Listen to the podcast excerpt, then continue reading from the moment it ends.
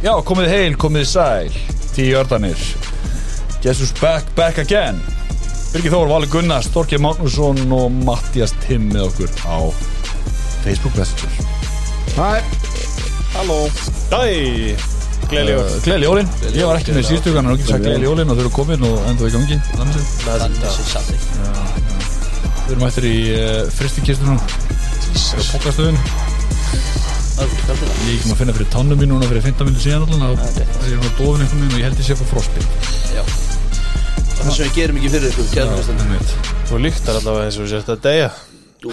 Það er líka bara hvert. Alvöru nálikt Alveg nálega Ah, Það er sem ég saknaði ykkur hérna, Alltaf ekki nema rós og gleði þegar ég mæti yngar Það er svolítið uh, Hvernig var það þurr? Nú síður stúdíu pókastöðinni, check. Fyrsti kista, check. Uh, Var ekki eitthvað í þessum hérna þú? Þessi rauði, þessi góði. Bakka Voli, lettur Rauði, svo góði Vorum að hérna afhenda tvær rútur í bólaleiknum fyrir utan stúdíóið. Já, heyrðu. Ég held að það var eitthvað svona shady viðskipta þessu staðan Þú? Varst hann eitthvað með svona í Þetta fóru það í, eiginlega. í, í frakka með skjaldur sko, svo var að afhenda eitthvað svona kjarnokku kóða sko. Demanta. Já, já, þetta er matta Því miður var það ekki, heldur var ég ekki og Maður reyndist að patsari bóla Það var hann Garðarili Já, það, patsari Sigurvegari Sigurvegari. Sigurvegari Jóla. Það er sem einkendi fyrir þessu menn, ég ætla ekki þessu. Einkendi fyrir þessu menn, það er að vera segurverður Hann vann er alveg þú náttúrulega rýður nokkrum rauðum eða ekki? Eins og þér einum er lagt. Jú, jú, jú. Ég er svo sem gera líka sko. Gott að höra Ég er náttúrulega hausverk á annan jól. Varstu með? Trúðu því. Eftir erfiðan jóladag. Konum myndi mikið gleði. Konum myndi mikið gleði. Maður minn, hvernig er jólið fyrir er ekki? Já, snjóað Svolítið eru hvítjól. Já, ég veit ekki hvort þú veist það, það er líka búið snóðina fyrir sunnan. Hefur hvað er fjallað? já, það er allir að festa sig fyrir sunnan. Þetta er ekki hægt sko. Getur við svona að tala um það að Matti sendi bara eitthvað, hérna, myndbanda sér af 15 metra innkesslinu sinni og 360 fermetra húsinu sínu risa garðinu bara, já, ég er bara búin að móka henni allan dag, sjáu því vjúið fór svona 5 og 6 sinni tilbaka. Humble break. En svo, manstu að hann býr á eigilstöðum Já, aklastöðum Það er það sem það kostar Já Það er búið Ég að hjara veraldar þá getur þú búið í stóru húsi Ég væri andra til það, ég er svona hóra, já, hugstu það ég. Þú ert alltaf velkomin Já, Þið getur verið með 2 og 2 en svo veit ég ekki að vera Matti var alltaf svona bankandi upp mótnan eitthvað Ég Já, já, móka ég Það verður svo- svo flanders Á mótnan? Ég hef tvis að fara til matta og gist hjá honum í, í kompunu niðri Það er indislegt Ég veit að hefði mæli ekki með heima og ég hlakka til að kíkja til þess. Bara allir hjarta líka Þið er hann að heyrið í honum. Kiki í kaffi. Kikki í stúdíóið. Hérna er það sem gerist. Hérna er það. Þetta er kallir að crunch the numbers. þakkir á nokkrum bólum Chattaði strákana. Það- Taldum að taldum að chatta með strákana Keilöldin, Egilsvöld Það er góð stað til að gera það. Og hann fyrir að detti í play-offs Þá fyrir menn svona Holy shit! Já, Leikur ykkur 17, við erum fór að ræða hana. Það er rosa Nei, er 16 segi Svo spáfi leikur 17 fyrir ekki Ef allt væri eðlilegt þá væru við að ljúka tímabilið næstu helgi. Já, Já, en við búum ekki þannig heimil ykkur. Óbreytti. Fantasy playoffs í bullandi gangi. En það er svona einmitt góð tími þess að fara í keilöldin Eða svolítið að horfa á næstu umferð Þegar það er mikið að fara að gerast þá. Já. Já, Klinja og fleira. Já, það er alveg svona þokkalega mikið spenna Í En, mörgum en ætlaði að vera ekki fjólubláði öður en þá Eitthvað ný litur? Jú. Við veistum að stinga upp að það Ég er að býja svartri við vörun sko. Það vantar þannig Það er, lítið bara, það er öðruvísi, það er ekki viðutengt sko. Það er- viðvarni Þá náttúrulega var þetta ykkur kaldasti bara Kaldasta leikuga í sögu NFL reiknaði með Já, Matti, hvað getur það? Hæ? Hvað Já, heitir hérna? Bomb Cyclone Bóm, sá America Við Þetta er hlæja þessu fólk er að dæmi, sko. deyja í sann sko. Það er bara Við erum ekki heldur að hlæja að veðrinu Við erum að Nei. hlæja að BOMB SAKLA Þeim finnst þetta bara allt í lægi að skýra Við hluti líka svo fyndi eitthvað skipti yfir eitthvað, fréttakonur sem er hana í vafin eitthvað sjöfaldan eitthvað, hérna, seppóka eitthvað með einn Over to you, Christy. It's freezing out here, Dan. Það In the bomb cycle. Miklu finnar að að það íþróttafréttamaðurinn sem Já, sendi hann maður. djúðlega það gott maður. Að ég hef ekki að vera einn. Ákveður þurfum við að standa úti og segja öðru fólk að fara ekki út? En, hérna, en að það kallt í bandaríkjunum að ég komst að því að mínus 40 á Fahrenheit er jafn kallt og mínus 40 á Celsius. Ég Já. veit ekki hvernig þetta virkar en þetta er alltaf þannig. Svo bara reiknið ykkur upp úr því. Já. Þetta var eh, fræðslumóli Yes. frá Valsa. Í bóði keiluhallarinnar, Já, já, gott. Er gaman að eða mótninum á aðfangadagi. Í að reyna að reikna út Fahrenheit og Celsius Mjög. hjá okkur kalla Já, Já, það var, það var gaman. Starffræðingar bóðir. Ríkala að leira samræður. Hérna, tíu, tíu júður notu þessu Tíu. Hérna, shoutout. Uh, Altis, útsalan byrjar annan janúar, vissu það? Ég veit að því að stendur frá með hana Ég veit það núna. Ég veit það núna. Alltaf 70 allur, vissu það? Ég vissi það þetta ekki en ég veit bara að ég fekk uh, gjafir þaðan. Ég, það var notað uh, hashtag eða ja, afslutakóðan Jardi. Já, það annað Flott. Mér finnst þess ekki kallt á tánum því að ég er í öndir armor svo Nei, það? Í þessum töluðu orðum. Já, Sick. Wow sack Þeir eru er gerðið fyrir mínus 40 Fahrenheit. Það er úrskýr svo Og nýjir Celsius. Sko nýjir sokkar Það er ekki náliðina, það er ekki heldur toffilega Nei. Það er svo góður. Er Þú ert að koma ágætlega sterkur inn í dag Já, já. En hvað, það er náttúrulega, það er bara allt fara að líkta á útsölum sko. Á, fer maður ég allt í Já. Flott! Græja sér fyrir rigninguna annan janúar sem að byrja þann dag. Eins og þið heyrið hlustendur þá erum við ekki það var, það var svona það voru nokkru leikir sem að er óþar að tala um í umferðinni. Já, já, við Já. Getur við ekki sagt það? Og þessi þáttu verður kannski smá óvennulegur getur við sagt það líka? Það verður eitthvað í þessum hérna dúr Hvernig er það? Flottur. Já, sæll. Já. Djöfull. Já. Skýta En þú veist alltaf sko, fólk líka skil það, við erum fjölsnunni Við, við lögum alveg á okkur að, að vera ekki mjög gangi NFL Hérna, nema kannski valur uh, Þegar vorum að bora jólastekina. Ég er ekki fjölskyldur Við erum, við erum líka búin að droppa sko sick og já sæll. Já, já, Þannig að við erum í stuði í dag. Rétt, það er góð punktur. Það er góð, þetta er já sæll. Herre, ef við ekki bara byrja svona stærsta uh, Ekki bara að klára fréttina. Jú, Nei, takk eitt Rikin já, Nathaniel Það er náttúrulega stóra Nathaniel, herru, ég var að lesa kvót Ég veit að þetta er náttúrulega, en þú veist, Nate Buddies Já, en aftur, það er punkturinn minn. Ég var að lesa kvót í John Elway sem ég efast um þessi satt, ég bara trúið ekki.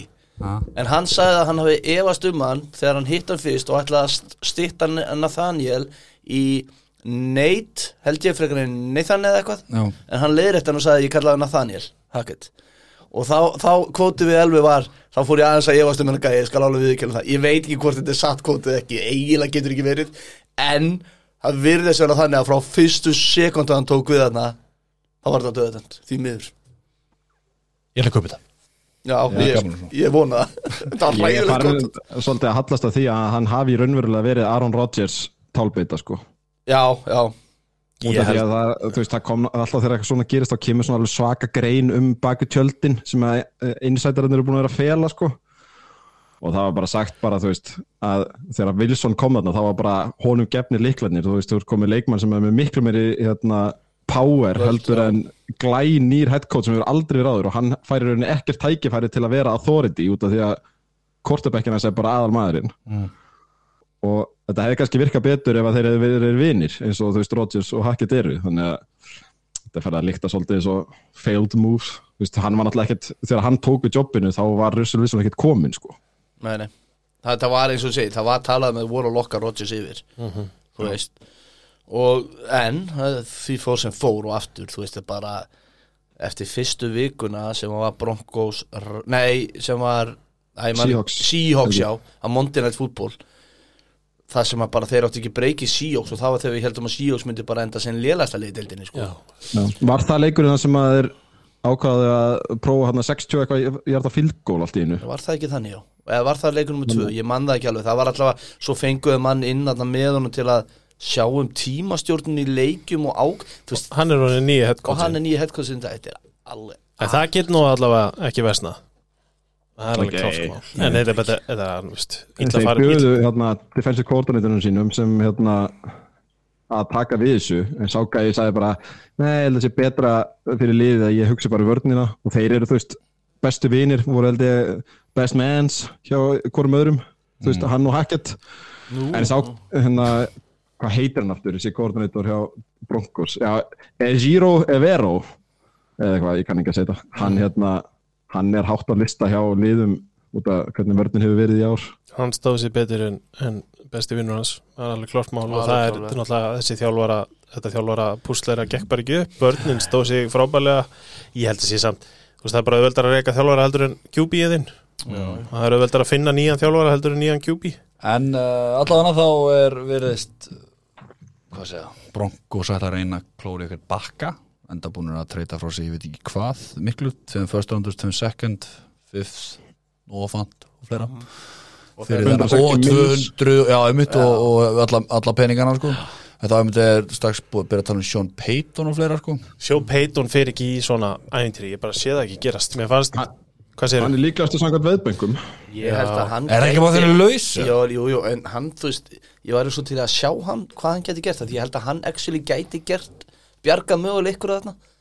Og þú veist, að ég sjáðu bara, við vorum að tala um hvernig hann fóð með James Winston, skiluru Ég bara hugsa mér- það er svona að opnaði svolítið umræðuna og, og hérna augun mín fyrir því sem kemur fyrir Sean Payton þar sem að þeir voru að tala um Sal og Bill já, Bill Simmons. Þegar hann sagði, ef hann fær ekki bara svona charges gig þar sem hann veit að hann er með quarterback sem að er framtíðin þá getur hann bara tekið annað ár í pásu og beðið bara áfram. Eða tekja bara svona grútensamning. 10 ár, 100 miljónir þar sem maður bara getur ekki sagt nei. Já, eða bara eins og þeir sögðu, eða bara farið aftur til seint hann gæti alveg hafa bara þurft eitthvað pásu frá og farið aftur hongað því ég meina, hugst, just, jú, jú, þetta er góð vörn en ég meina, af hverju ættir að taka sjensin verandi þetta stórt nafn í þessu að Russell Wilson sé bara eitthvað betur en hann er? Já, ég kaupið það alveg. Og þessi lið sem hann er orðaður við þú veist, þetta eru kortebakklaus lið. Já, nema Chargers, hann, hann Ég er að segja að þú veist, nema, nema það. Cardinals mikið nefndir. Minnst það, ég Þeir eru myndi Þeir eru það sko, Já, fyrir mér allavega. Og JJ Watt lausir, kannski nefna það líka. Já, komið að það, J.J. Watt um tilkynna það að hann allar að hætta í lók tímbilis því líka frikinn ferill í þessu gæði, ég var mitt sá hann að parta á leiknum á móti Tampa, hann, þú veist hann er langbæsti leikmann í þessu liði bara.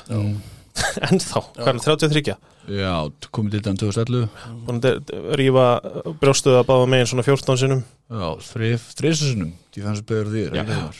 Þú veist, þetta var svo hann á tímabilið sem hann var sko með þú veist hlífar á öllum útlimum teipaður rest af líkamannum Já. en samt einhvern veginn með pick 6 í þriðakjöru leik. Fáránlegu gæði Góður sem var allan fyririnn hjá Houston Texans og svo aðra svona Cardinals. Létt pyrrandi típa, það trublaði mig Já, já, alltaf. en geggjaði Það leikmaður var smá rössel í honum sko En hérna, en geggjaðu leikmaður og bara, já Það eru Frægastur- sjónasviftir honum. frægastur fyrir að flippa dekkjum. Já, Já, En óvænt, eða þú veist ekki óvænt En kom mér á óvart, ég sá mynd á Instagram í dag Hverju hafa unnið riðilinn hjá Texans. Hann og Texans unnu með Bill O'Brien Bara, Ég veit það. Af síðustu tíu held ég sex sinnum eða eitthvað. Það er náttúrulega í AFC South. Já, ég veit það, en þú veist, það er samt Ég meina, maður held alltaf þetta úst, maður, Það komur svona, talandur náleikt af Texans að, En þeir voru alltaf með einhverja tíu það, og unnu ég- riðilinn sko. Ég man að ykkurt árið þegar áður við byrjum hérna þá vorum við eitthvað að spjalla vinnufélagina og ég, mér minna að ég hef spáðið um í súból ykkur tíma sko. Þú veist, eitt árið fyrir tíðanbili sem að svo er skýtur á Matt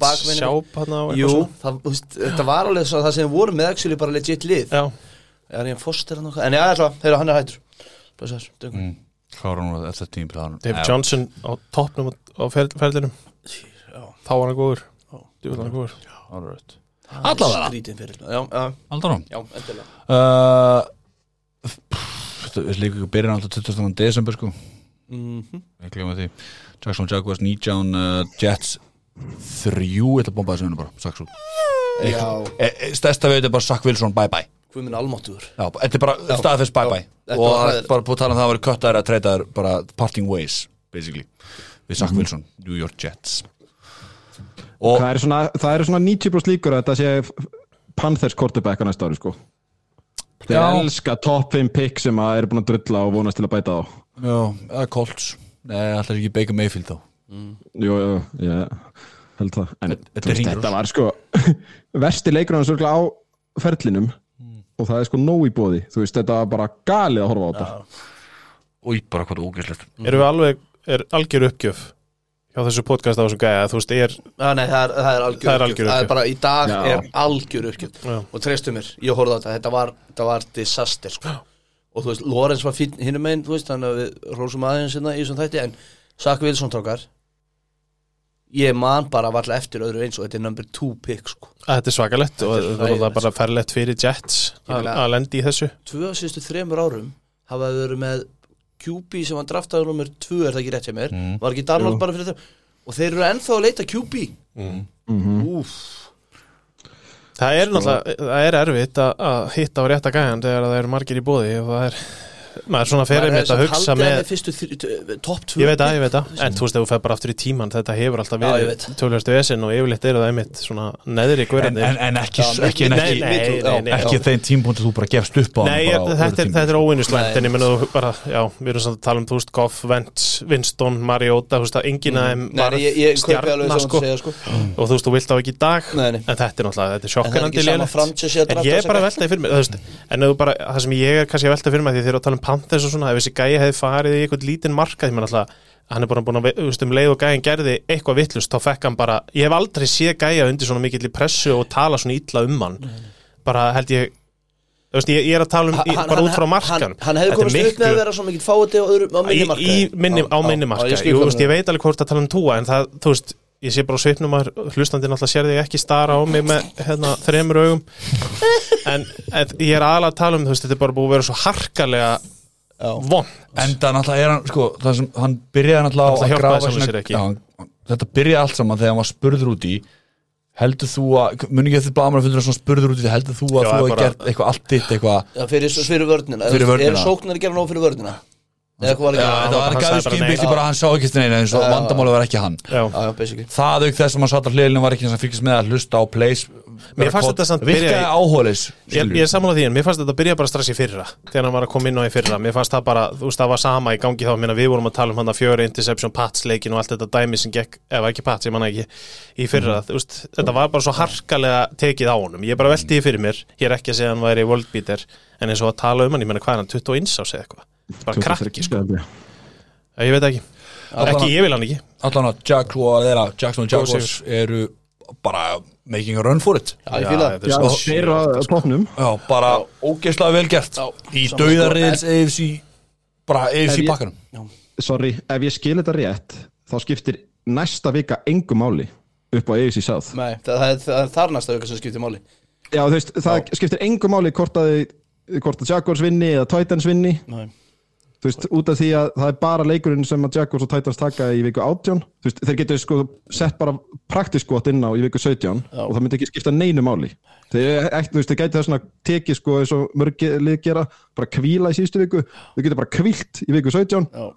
og mætt í leik 18 og þá er þetta bara úrstættileikur um að komast í play-offs og vinna reyðilum Hérna, já Evan Engravaktinn, hann er komin hann er aldrei átti á marga hjartaðum tímili 723 formúlubílin Takk, uh, góðið fórumbyggli ég, ætla- ég, ég ætla að byrja þessu á en ég byrja að taka leik ég ætla að taka, taka leiðin sem búin að klincha Ok. Snöggast. AFC, Buffalo Bills Kansas City Chiefs Cincinnati Bengals, Baltimore Ravens og Los Angeles Chargers. Þetta eru fimm liði sem nú þegar búin að klincha sig í playoffs. Svo því er það tvö pláss fyrir liði sem er ekki búin að klincha vantanlega, það eru sjö pláss. NFC megin, það eru átrúlega Philadelphia Eagles Minnesota Vikings, San Francisco 49ers og Dallas Cowboys. Fjölið í hverju riðli búin að tryggja sig Já. Ekki, samanlega Gæti verið, jú, okkur líður mér svo að voru sex lið eigi sími, en er það vitlega mér? Já, það er svo Ok, cool ok. tölvan var ekki lengi að rekna þótt bara uh, error. Uh, bara betur betur, ég ætla að stoppa það náður en byrjar uh, error. Allan að þetta er þetta er staðan. Já, þeir eru númer sex, það vantar fjögur. Sorry, ok, já, alright, haldur á Já, já, já. Á aðfangandagurinn klukkan 6 leiki sem að ég horfði mjög lítið á þess að ég á fjölskyldu eins og margir aðrir. Uh, ég ætla bara að henda 6 hérna bara Detroit Lions 23, Carolina Panthers 37 leikur sem skiptur um einhver máli nefnum kannski fyrir Lions. Þeir klúruðu því Rísa máli maður. Já, já, uh, reyma að klára. Sorry, sorry.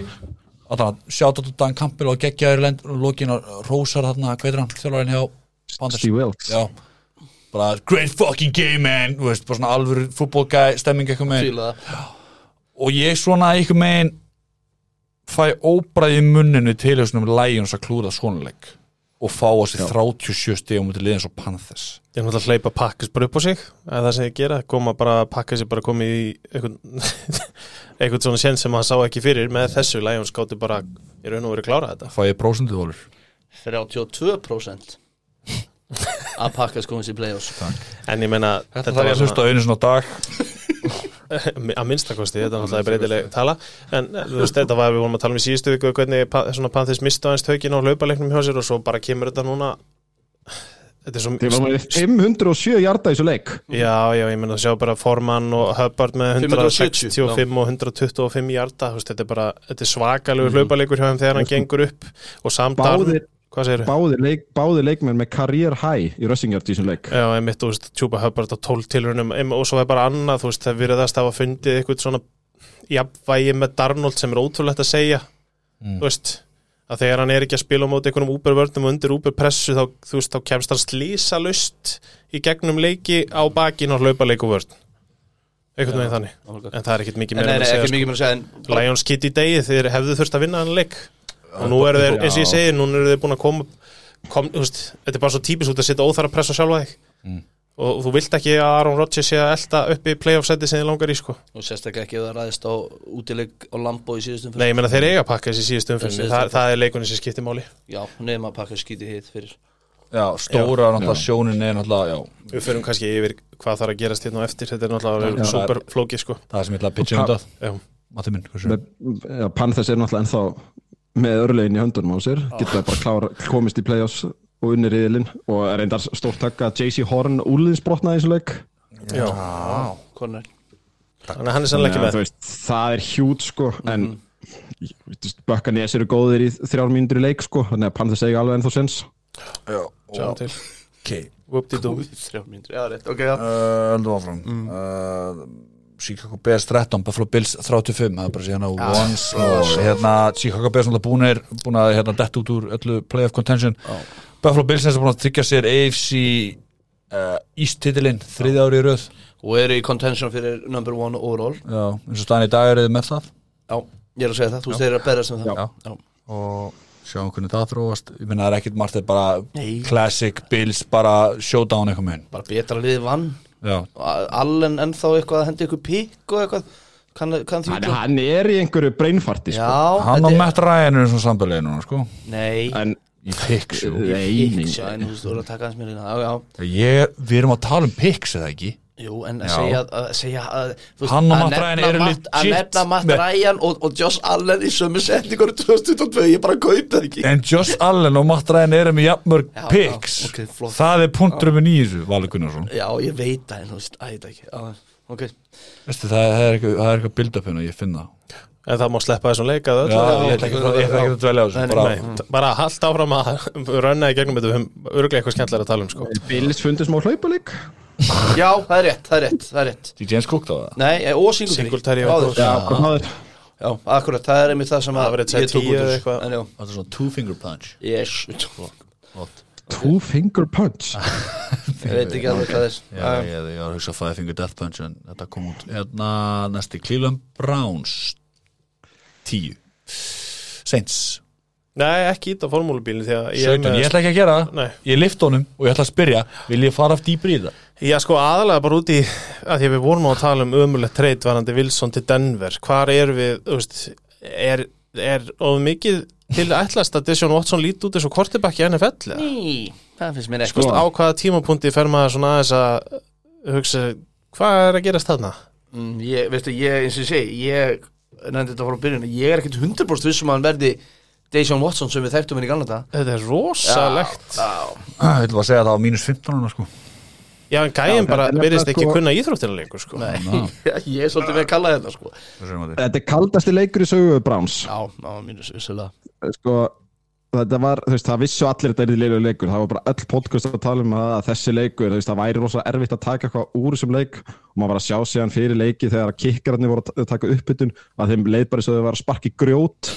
Jesus og svona eitthvað en, burt sér frá því, þá unnu seint sinna leik og eiga tæknilega sé ennþá törfræðilegan sens á að vinna riðilinn Mm. Browns eru náttúrulega dottnir út Mm. alveg ótrúlega leðilegt með þetta fransess á það svo skilja að komast í play-offs hérna en samt sem áður, ef við horfum á þess fjóra leiki sem Watson er búin að spila, ef þeir væri þú veist hægt að toga þá í lengri, þá væri hann með lélegra passer rating heldur en Zach Wilson. Þú veist, hann er búin að vera það lélegur. Þú veist, maður held kannski að veist, hann er náttúrulega talented quarterback og við sáum það alveg á Texans og hann er var enda tvö ári í burtu. En ég vonaðist allavega svona pínu eftir því, eða vonaðist ekki, ég segi nú ekki að ég vonaðist en ég bjóst við að hann yrði betri til að byrja með. Kanski, þú veist, riðgaður jú en samt einhvern veginn að maður myndi sjá svona hvað hann á ennþá í dag. Maður er ekki að sjá, í dag er maður ekki að sjá neitt hvað hann á inni eða eitthvað svoleiðis. Þá er ég með eina spurningu fyrir ykkur að Því að honum er bara að vippa hann inn eins og Jésu Kristur öndu fættur bara allar að draga okkur hérna inn í play-offs. Hefði- með, Þeir hefðu örgulega unnið og gert betur með brissett hann inni sko. Já, Af því að þetta, þetta er átakanlega lélegt og maður svona velti fyrir sér hvert er planið því að þú ert nú búin að vera að tala við Stefa, Stefanski og svona. Þetta er líka risastór ákvörun þú veist, in hindsight þú veist, þetta er búið að vera bara, þetta eru bara afglöp í starfi að vera ekki Já, búin já, að grípa ég- inn í þarna. ég held samt að hann geti bara ekki annað en spilað núna. Þeir hafa enga kepp og er Nei, bara komin núna, ég er alveg sammálað því en ég meina þeir taka það ákvörun að kippa Brissett út að taka Jensen og Watson. Þetta er bara, þetta er ég það. Ég, ég er þeir ekki áttu, vissum að svo gáta lítinn, þeir áttu eitthvað svo lítinn sjens og þú veist, það hefði náttúrulega aldrei með að við hvað þeir borguðu fyrir hann og gáði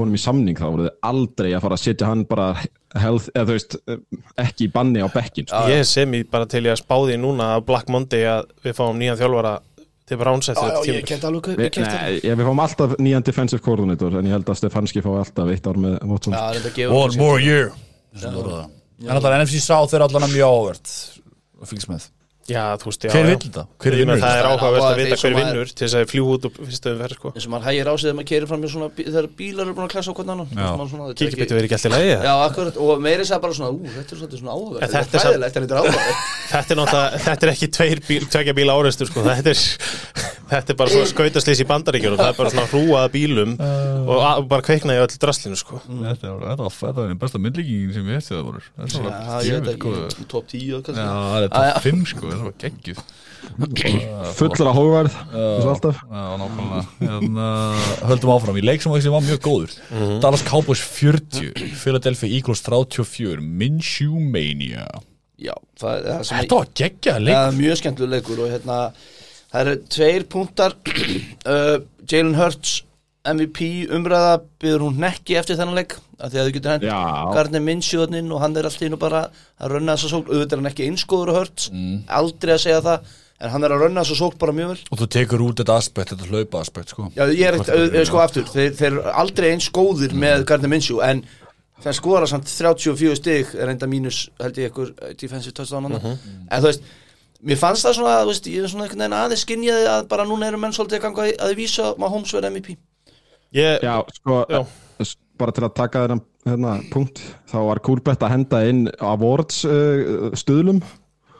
Og við erum að tala um sko að Mahomes er 1,21 í stuðli til að vera MVP Já. í öðru sæti er Josh Allen 7,0 Já, svo- Burrow 10 Hurts 12 mér, þannig að ég veit það samt ekki að því að ef, að- ef að Gardner Minshew var einn af 32 störsturum þá væri hann örgulega nær 20 heldur en 32 sko á, hann myndi gera 10 lið betri ég. Ég hugsa það og þess vegna, þú veist, þetta er ekki venjulegur backup sem er að koma inn á og stýra þessari sókn fyrir það hvað hún er vel munna, þannig að mér finnst það kannski veist, mér persónulega eh, finnst þetta ekki vera einhver áfællistómur á, á hört stannir sér Mér finnst þetta frábært bara upp á að sjá hversu vel drilla þetta lið er Já. Mér finnst það aðalega þú, er bestu sóknarlinni í deildinni í ár líka. Já, þú ert líka með Devontae Smith og AJ Brown báða með 100 þetta leik þeir líka just, það eru vel þjálfaðir og og í þessum leik, þannig að bara, þú veist, hört sleipur yfir eitthvað stærri kringum 60-100 hjarta í leik mm. minnsjú gerir það ekki getur það ekki, þá færið þið bara að kasta bara allt annar sóknarleikur og það gengur upp ég, veist, mér finnst bara minnsjú áhuga að vera kortebakk Já, ég menn það hefði undan 34 stegum og Dan Quinnward sko, að sem er reyndar búin að læra Carolina Já, Panthers og, og Cardinals og fleiri var alveg til að hafa minnsví, ég held að fólk hafi og bara liði í þessar deild hafi sofið á hann vegna Ég þess að karýr dæmi hjá hann er þú veist 40-50 touchdown 11 interceptions, þú veist, hann er ekki hann er með betri tölfræði en marki startir í þessari deild sem að maður svona tekur svolítið for granted sko, þannig að það að sækja hann í þessu skýta treyti hann var útrúlega vel gert og þeir svo sem þekkja það líka að fara í úrslutakefni á backupnum sínum og vinna bara. Hann er 26 ára sko Ég, það er bara, hann er bara segur hann er bara ótrúlega segur en mér finnst, það sem að mér finnst eiginlega ég taka mest út úr þessu er hversu gott liðið þetta er. Þú veist, að því að við höfum einmitt svona verið á það að geta, þú veist, að stíga allir aðrir upp ef þið skiljið hvað ég á við, Mm, þú veist, já. bæði varnarlega og sóknarlega því að ég meina, Cowboys spiluðu vel í þessum leik Dak Prescott var góður í þessum leik, hann kasta boltanum gríðarlega vel í þessum leik en það, þú veist, það er eitthvað að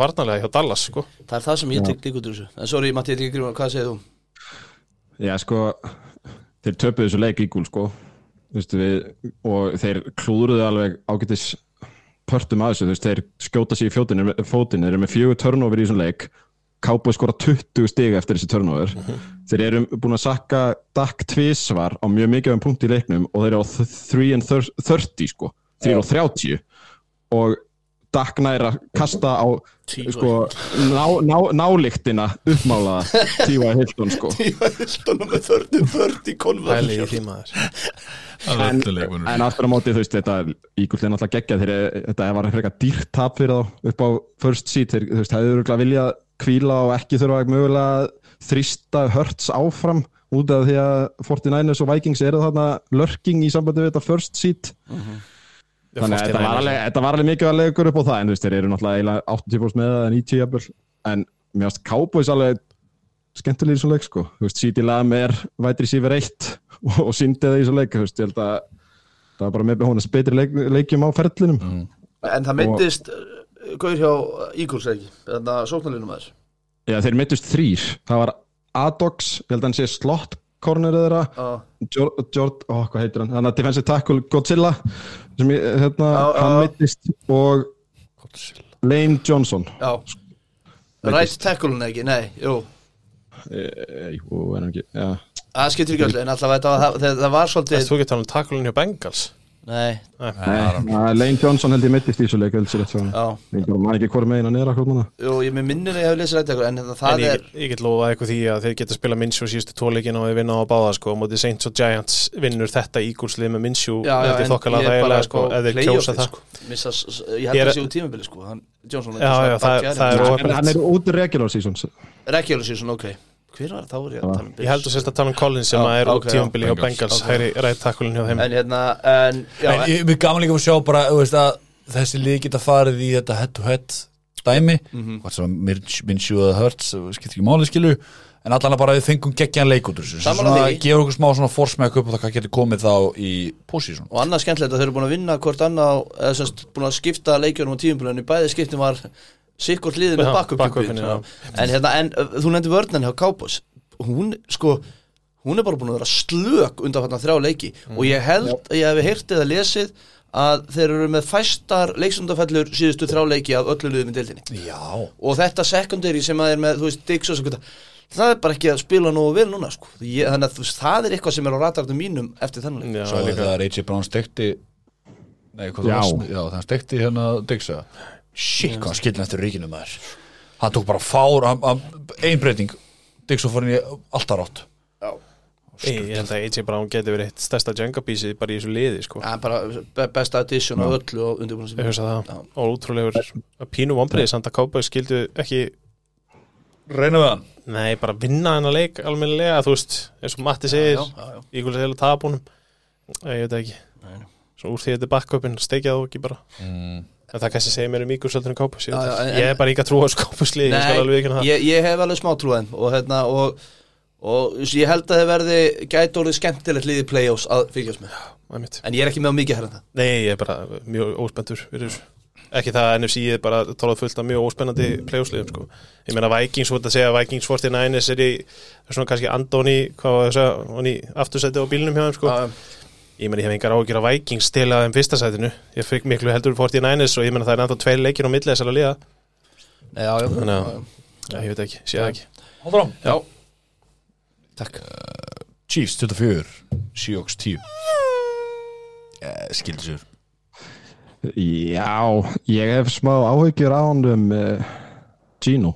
Nó Um, hann virðist, sko, hann byrjaði náttúrulega fyrsta part tímabilsis á einhverju svona, þú veist, enga tapamót, þú veist, hann bara tók sjensa, þú veist, var geðið ykkur svona nothing to lose dæmi, en um leið og þetta skipti öll einhverju máli, þú veist, þá var hann eitthvað svo safe. Já. Fótt aftur eitthvað svona safe mode, breytti stilinu sinum og leika hann átt Já. Og, og maður vissi svona að þeir myndi tapa þegar þeir voru í mínus 23 að byrja ofan að hita upp, sko. Já. Hvað var það? Þú ekki þetta, ég þú Þe- Mér finnst alltaf, mér finnst oftast að lið gera þetta og tapa þér um rata, sko, þetta er rata Næst, þetta var allir með lambúsettu og byrjar á ofan sko. þetta er alveg alveg ástæðanlegt en mér, ég er smá ágjör að Gino sé svolítið að breytast í grasker aftur. Það er svona það sem ég tók út úr þessu. Já, ég meina, þú veist, er enginn, þið eru í tönnunum og eru að hlaupa út og það er enginn sem segir bara stafgar, af hverju eru að þessu? það er bara engin sem stoppar. Segir bara mér er bara fucking kalt sko. Bara En ég er sammálaðið með þetta. Mér finnst Gino líka bara enda undal um hann og svona hefur náttúrulega Þú veist, við erum að tala um að hann var legit MVP í umræðinu hérna í, eftir sjöðum fyrir Hann er næst líklegastu samkvæmt Kulbett til að vinna comeback player of the year. Það skilja alveg. Það er bara sangjættir, svo er líka bara annað kannski er líka safe, ég meina þeir eru búin að tapa fimm á síðustu sex leikjum, þú veist, þetta var hrundi gjössalega saman hjá þeim. Það er svona svolítið erfitt kannski að ætla að fara núna að vera sami gæi og var þegar að, að svona flest allt er í skrúinu vörnin einhvern veginn sem engi bjóst verðin eitt er aftur orðin mjög léleg. Mm. Kenneth Walker þetta út sem var eina vonin í hlaubalinn, þetta er bara svona Já, hann er inn í þennan þú svona talar, Já, já, þú, algjörlega, en þú talar um það en daginn, þú við erum svona að sjá regressjónið í mörgum liðum, aftur niður í 50-50 bara, þú veist, 7-8 sigurleiki, það er það er svolítið svolítið það er bara allt eins og að vera. En Chiefs bara vinnur, vinnur svona leiki og við hefum margótt sagt að, að Chiefs bara vinnur svona leiki. Það er vatnandi mínum að herra Kelsey ætla bara ekki að skora neinn touchdown einhvern veginn í lokinu á þessu tímbli þessi fjóri leikir í röð núna þar sem hann er ekki með snerti mark og já, ég meina þú veist Þeir er eru með playbookið í felum fyrir playoffs. Já. Ég ætla bara að vera á þeim vagni þangar til að playoffs koma og ég mér. Bara ok, flott. að það er að sanna þetta. Já, sanna það. Flott, herre, uh, höldum áfram. Uh, Vikings 27, Giants 24 uh, talandum Nei, veistu að þetta væk, það þarf að rannsaka þetta Vikings Þeir eru búin að vinna, þeir eru 11-0 í one possession, eða one score leikjum í ár held ég. Og þetta eru allt einhvern veginn svona þetta er, eða allt, mikið af þessu er bara fáranlega hvernig þeir vinna. Þarna endaður á 60 og hvað, eins, 61 hjarta fylgóli Já, Greg. Joseph. Bara frábært. Og ég sá gott segment hjá hérna, vinum, vinum okkar í hérna, Good Morning Football sem að maður horfður alltaf lítið á, þetta eru geðvikið þættir á NFL Network, bara hvernig þau ná að fylla þryggja tíma þætti á daglega en það er annar mál, en hérna og hann sagði bara, hvenar ætla fólk að fara að byrja virðingu fyrir Kirk Cousins? Hann er bara, þú veist, vörnin er ekkert sérstök hjá, hjá Vikings og sókninin er ekki heldur. Hann er að slengja þess að fram, vissulega er hann með besta vætur sigur í deildin líklega en hann er að slengja að fram endalaust og það er ekki, sinni- hann er ekki svona, það er ekki minnst á hann í MVP umræðu, skilur og þetta er lið sem búið að Já, tala tveimur jú, ég og Mattu rættu Já, þeir hlusta ekki á þáttinu okkar greinilega en, Já. en hérna, þú veist, þannig að mér finnst alveg og, og þetta kemur kannski úr skrítin átt en ég er farin að byrja rosalega virðingu fyrir þessu vækingsliði bara hvernig þið ná að grænda þess að sigra út endalaust sko. Ég er miklu meira á vagninum hvernig ósköpunum getur komið er í þá stöðu að þurfa alltaf að vinna 11 leiki á ég- tímabilið one possession ruggli Það er eins gott að Greg Joseph sem er stálhræðjar í Sko, þessu liði ég- því að hann á alltaf að vinna ég leikina veit að ég sammálaður og eins og þarna um daginn þegar var að ta- bara að tala um hvernig þeir eru unnum 33 stega fórustuðu kólt hvernig komstu inn í 33 Það er stega málið, skilur við, ég meina þá að Kirk Cousins náttúrulega búin að liggja á ekkjónu sínum alla leikin sko. En þú verður samt ykkur tíma bara, heyrðu, þeir eru að vinna þessa sigra og Cousins er með línur sem eru bara, sko, hann er bara að slaga í, þú veist, bara, bara rosalega línur, sko. Já, já, hann er, já, já, það er ekkert út á hann að setja þannig en þetta, þú veist, hvernig þeir eru alltaf í þessu tjóni er alveg, þú veist, þetta er ekki eðlilegt, þú verðum að tala um regression to það, mean, sko, þetta veit fylgir er ekki á milli tímabila heldur, sko. Nei, nei, en þú veist, en þeir vinna þessa Það er einmitt það sem ég hrættastu við. Ég set ekki halda áfram inn í úslutakefni þegar að, þú veist, þegar allt er undir að Vikings fara, ég, þú veist, þetta er bara, þetta er svo skrítið, sko. Sko, þeir fá náttúrulega heimaleik og þeir eru sterkar á heimaðalli, þú veist, það er alveg háað í þessari blessuðu höllera þarna og svona. Þeir fá heimaleik, þeir gæta alveg unnið leiki í playoff, ég, en ég er samt sammálaðið þar að, þú veist, vörnir er bara svo slög, sóknirinn er ekkit sérstök og þess vegna er ég að nefna þetta með sem að hann vinnur okkar Kyle eða hvað hann heitir í Kyle. Brandt. Já, minnir á hann sem að bara fó bara, heyrðu, Cousins á alveg meira umtal skilið Mm, Já, já, já, það má vera því, þú veist Það er líka allt svona eins og þú segir Valur svona eitthvað fárálegt Mhm. Justin Jefferson er á einhver svona fáráleg grip Vist, 61 hjarta fylgól yfirleitt fer framhjá eða drífur ekki sko. Mhm. en þú veist ef við törfum bara svona tölfræði sem hann alltaf skiptir bara x miklu máli svona heilt yfir þeir eru bara átlægir og, og það er alveg, þú veist, þeir eru syndarella sko, og þeir eru allt þetta. En og, og kannski virkar það bara út tímabilið þú veist, kannski langt sem við ná í play-offs. En það sem ég hrættastu við er að þeir fari inn í næsta tímabil í einhver svona run it back mode. Því að þá held ég þeir gætu lent á vegg. En á þess ári ég er bara búin að sætta mig við það að þetta sé bara átlæðir og þeir verða það bara þangað til að Superból er búið, sama hvort þeir verði þar eða ekki. Talað um átlæðir, Justin Jefferson sem MVP í MVP umræðu. Þetta tíðanbúl sem hann reyðast okkar Þetta er alveg eitthvað sem að Ha- bara, Já, Hann er einmitt í fymta sæti og eftir Jalen Hurts Já, með já. 41 Ég, þetta, er, þetta er ótrúlegt, ég vona svo innilega að hann nái bara 200 og eitthvað jördum í næstu viku á móti pakka svo að því að það er eitthvað svo ljótt að bæta þetta með í sko. Veist, það er eitt leikur í viðbútt það er, Vonar þú unnilega hann, hann, hann tók að síðast um þetta pakka Já, ég, er að, tala- ég er að tala um ef hann ætlar að bæta þetta Já, gerðu já. það þá í 17 leikjum. Því að það er, veist, það er alltaf stjórnumest ef þú gerir það í átján, en það er svona punkturum minn en ég, veist, það segir allt sem segja þar um mynda á veikinsli að þeir eru ekki einu svona favorite sem átti pakka sér næstu viku. Nei, nei, klálega Og En reyndar það eru við ómetni líka í veðböngum 100% en ég meina það, þú veist, þetta var saman með Lions við sögum að það veri fárlegt, svo bara fór Lions og vann þá með nýju stugum, skilur Já, já. easy peasy, frekar þægilega. Þannig að sjáum til, en ég meina Ég meina Hawkinson að koma fínt inn að það höfum og þetta var alltaf bilaða leikur í Hawkinson langbesti leikurinn hans bara á þú veist, örgulega hans ferli yfir höfuð. Ég hugsa það, hvað er ekki 2 touchdown og 100 og eitthvað hjartar 109. 13 grip eða eitthvað. Já, þú veist, en ég veit ekki, sjáum til en það er samt það er þetta 11-0 í one possession leikjum er svo óeðlilegt. Það er svo óbúslega skrítið að maður svona, þú veist, maður tekur ekki alveg marka Nei, sko. nei, nei, nei. en Giants? Þeir eru bara hana Já, þeir, þeir eru bara eins og Seahawks fyrir mér. Þeir eru bara einhvern veginn að jafna sig út. Þeir eru ill, þetta er bara lélegt lið sem er að spila á allt og háum standard. Vel það er ekkert mjög vel þjálfa lið og það sést bara við, erum- þú veist, þetta er sömu tuggurnar alltaf. Við erum eiginlega, við erum eiginlega komin svolítið á vekk með Giants og umræðu varandi Giants af því að við erum komin núna í fjórðu vikuna í nákvæmlega því sama þú veist það eru leikminn út um alla trissur að overperforma. Við erum að telja það upp allan nema Saquon Barkley sem er að performa eins og ætlust til að það geri en þá erum við að tala um Daniel Jones. Það er ekki eitthvað eitthvað receiver í þessu herbyggi sem neitt lið vill. Þú veist, það er enginn að, þú veist, ef það er einhver af þessum gæjum hérna er í free agent, þá fengi hann veteran minimum, skilur við, nema Slayton kannski, það er ekkert að frétt í þessu liði, Nei. Það slú ekki vera að tæla það meira á því? Nei, þú veist, ég Þeir þeir, samt að fara í playoffs þeir, þeir verða að tapa einu leik fyrir pakkes Sveimur Commanders verður það beinum uh, Pack, Giants verður Já. að tapa báðum ef við vonum á þeim. Þannig við náttúrulega töpum fyrir Giants og En Commanders við sjáum það ekki gerast. Ég veit það ekki. Hvað er það Giants þetta eru, 8, 6, 1 Colts heima, og Eagles úti, Eagles úti. Ekki aldrei segja aldrei. Nei, nei. Áfram. Never. Say never. Já, sko, já, Giants klinsa þeir vinna í uh, Colts. Já. Já, í næstu viku. Skemmtilegt. Gáðum ekki sem því. Og sem ekki hlutlis maður har ég Því. vissum að ég vil freka fá Nei. pakka sinn heldur en Giants akkurat núna. Nei, Já, nei, sko, það er ekkert eðlilega flókið shit í kringum Giants sko. Þú veist, það er bara sjö hlutir. Þeir geta þú veist klinsað með sjö hlutum og ég nefna ekki, þetta er eitthvað jafntöfli og eitthvað kjáftæði en ef að Commanders og Seahawks tapa og, þeir, og Giants tapa þá eru samt Giants áfram sko. áhört.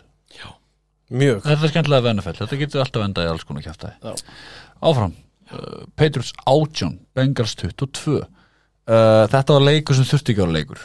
Nei. Já, uh, Tveið mjög smundi hálfleikar Bengals segja fyrri Patriots segja setni og það var að byrja að tjanta nafnans Sappi enn og aftur á uh, Foxborough Mac Jones er bara, ég var búin að gleyma tæklinguna hann sá hérna Burns í fyrra, var ekki Burns Dirty player. Dirty play og svo núna tæklaði hann hérna hann Eli Apple þegar hann var hlaupað þetta var bara ógeðslega ljótt play Fleiði sér bara á Já, lappinu sko. þannig að hann er, hann er svolítið svona, ég, hann er komin, eða ég bara fíla hann ekki, punktur, lengur. Já, því ég kunni ágætlega við hann, Mm. en mér, þetta var bara rosalega ljótt play, þess að þe- þeir eru basically að hlaupa til baka og var ekki pikka eða fumble eða eitthvað annað og Íla Apple er alveg nokkrum jördu, uh, metrum jördum Hann er ekki einu sinni spilum. leikmaður til að sko. Nei, og hann fer svona hendi sér fyrir framan hann til að tækla hann bara á hræðan máta. Í nýjan sko. Þetta er bara, þetta er glata dæmi og hann má alveg bara fara til anskotans fyrir mér. Já, Já. þeir ætla ekki að setja hann í bann en hann mun fá 12.000 dollara sekt. Dagger. það fungur nýfur Þannig að það er auðvitað að segja að hann sé góð mannvera því að allar sektir NFL fara beint til Frábært, frábært. En annars er ekkert mikið um að segja. Að Joe Burrow einhvern veginn svona tvö interception leikur fyrir hálfleikurinn fít setna hálfleikurinn þungur sóknarlega hjá Bengals. Patriots verðin er nefnilega alveg ágætt sko. Hún er náttúrulega langt besti hlutin að þessu blessaða liði ég meina, þú veist, það eru bara Patriots er eitt af þessu liðum sem maður er bara með augun á varandi næsta tímabil, þú veist, hvað ætlaði að gera og það er svo mikið í gangi hjá þeim. Þjálfaralega séð, sóknarlega séð kvortibakstaðan, þú veist eiginlega það merkilegast að við þetta leik var hann aðdáðandinn sem fekk að sitja í stúkunni á kraft, Já.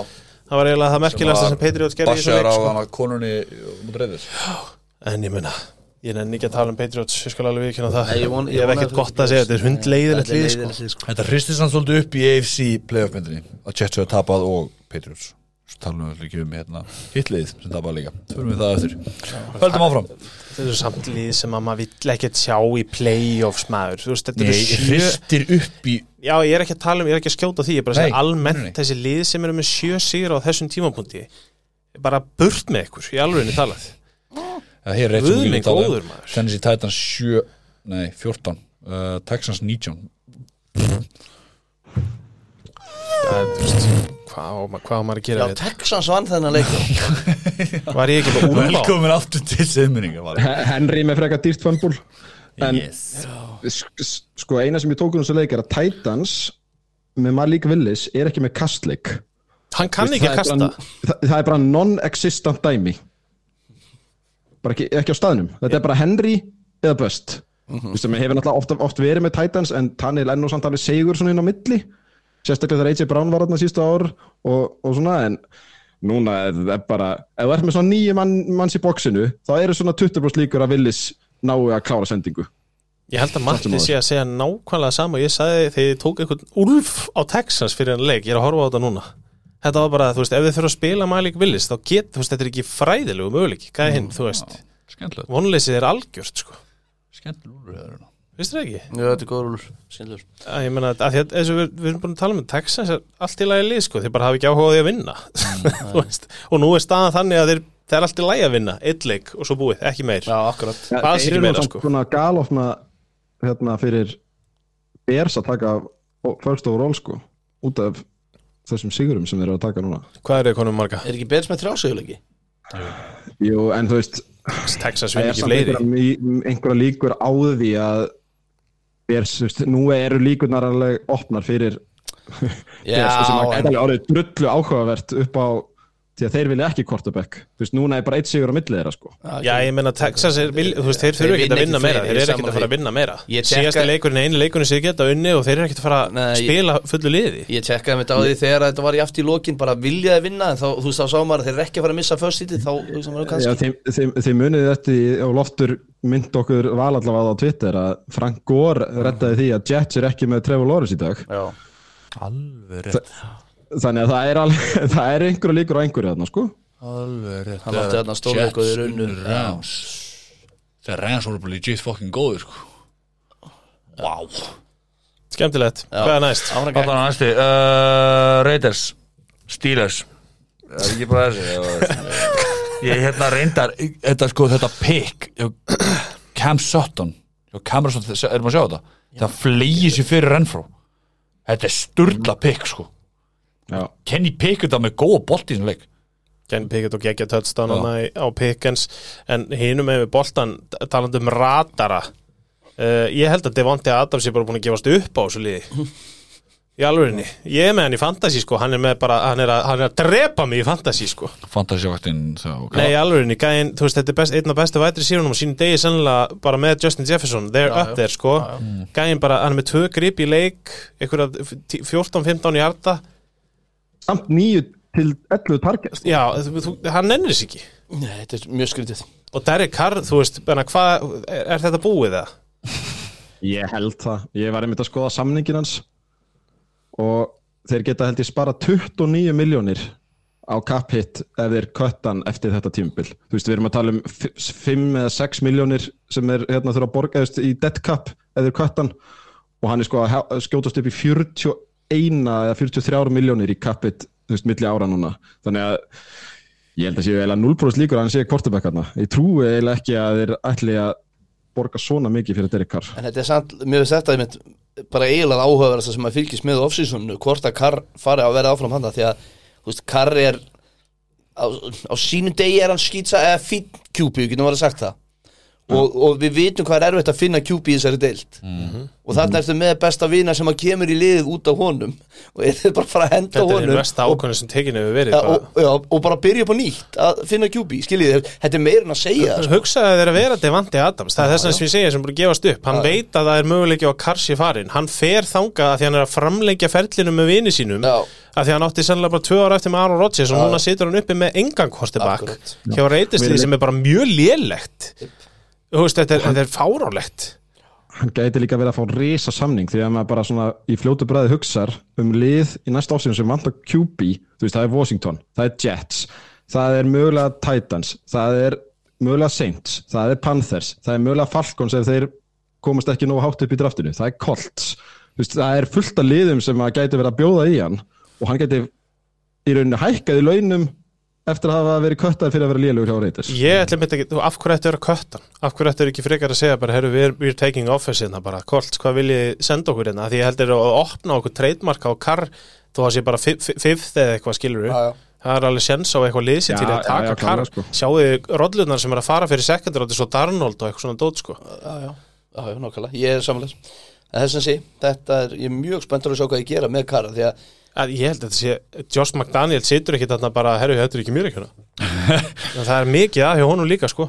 Ég meina, hvernig ferðu úr því að vera með þessa sók sem við vorum að horfa á í fyrra Já. með Voller og, og, og hérna Renfró á eldi og við sjáum hvora af þeirra. Þetta er fyrsta bara, bara sér Kollvíkin og Renfró í fyrsta sinn og öllu tíumbilin um helgina. Já, já, þetta er líka sko vörn, nei, sókn sem var þeirra verri við að bæta vissi Adams. Ég er svona sáða þessu. Já.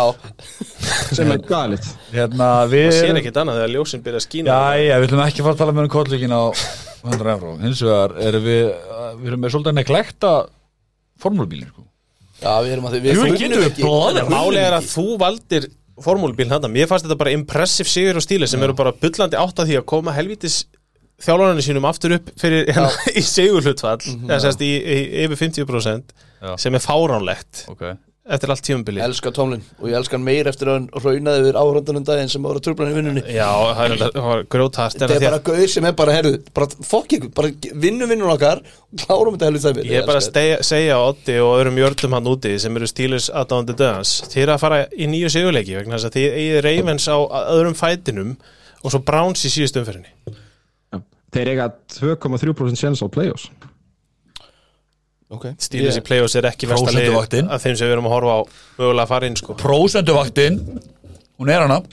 Uh, talandi um það, þá eru Raiders ennþá í minna en 1% ég fæ ekki nákvæmlega prósentið en þeir eru í minna en 1% sjens. Og læta okkur vita að þú fær þá töl út. Hérna, DRB hérna Ravens Falcons Ravens 17, Falcons 9 Viljið- Þarna var ég til í að sleppa bara. Þú þarft ekki eins og formúlubílinn bara Ég ég hef ekkert um þetta að segja sko Mér finnst Ravens leðileg Tíu sigurleikir er ótrúlegur árangur. Það er, ég, veistu það, ég verð alltaf að hissa því ég sé það. Þetta er Búin að fáránlegt tapa fimm leikjum.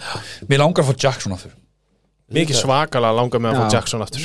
Bara, og bara sem fyrst sko en, en þetta er Æ, æ, æ. þetta, ég held bara Já, ég meina Ravens án Jackson er náttúrulega bara, þú veist, Titans án Henry og þetta það eru bara, vitlýsingar að núti sem halda því bara alvegni fram að var allt í lægi að Tyler Hundley tæki nokkra leiki. Já, galið.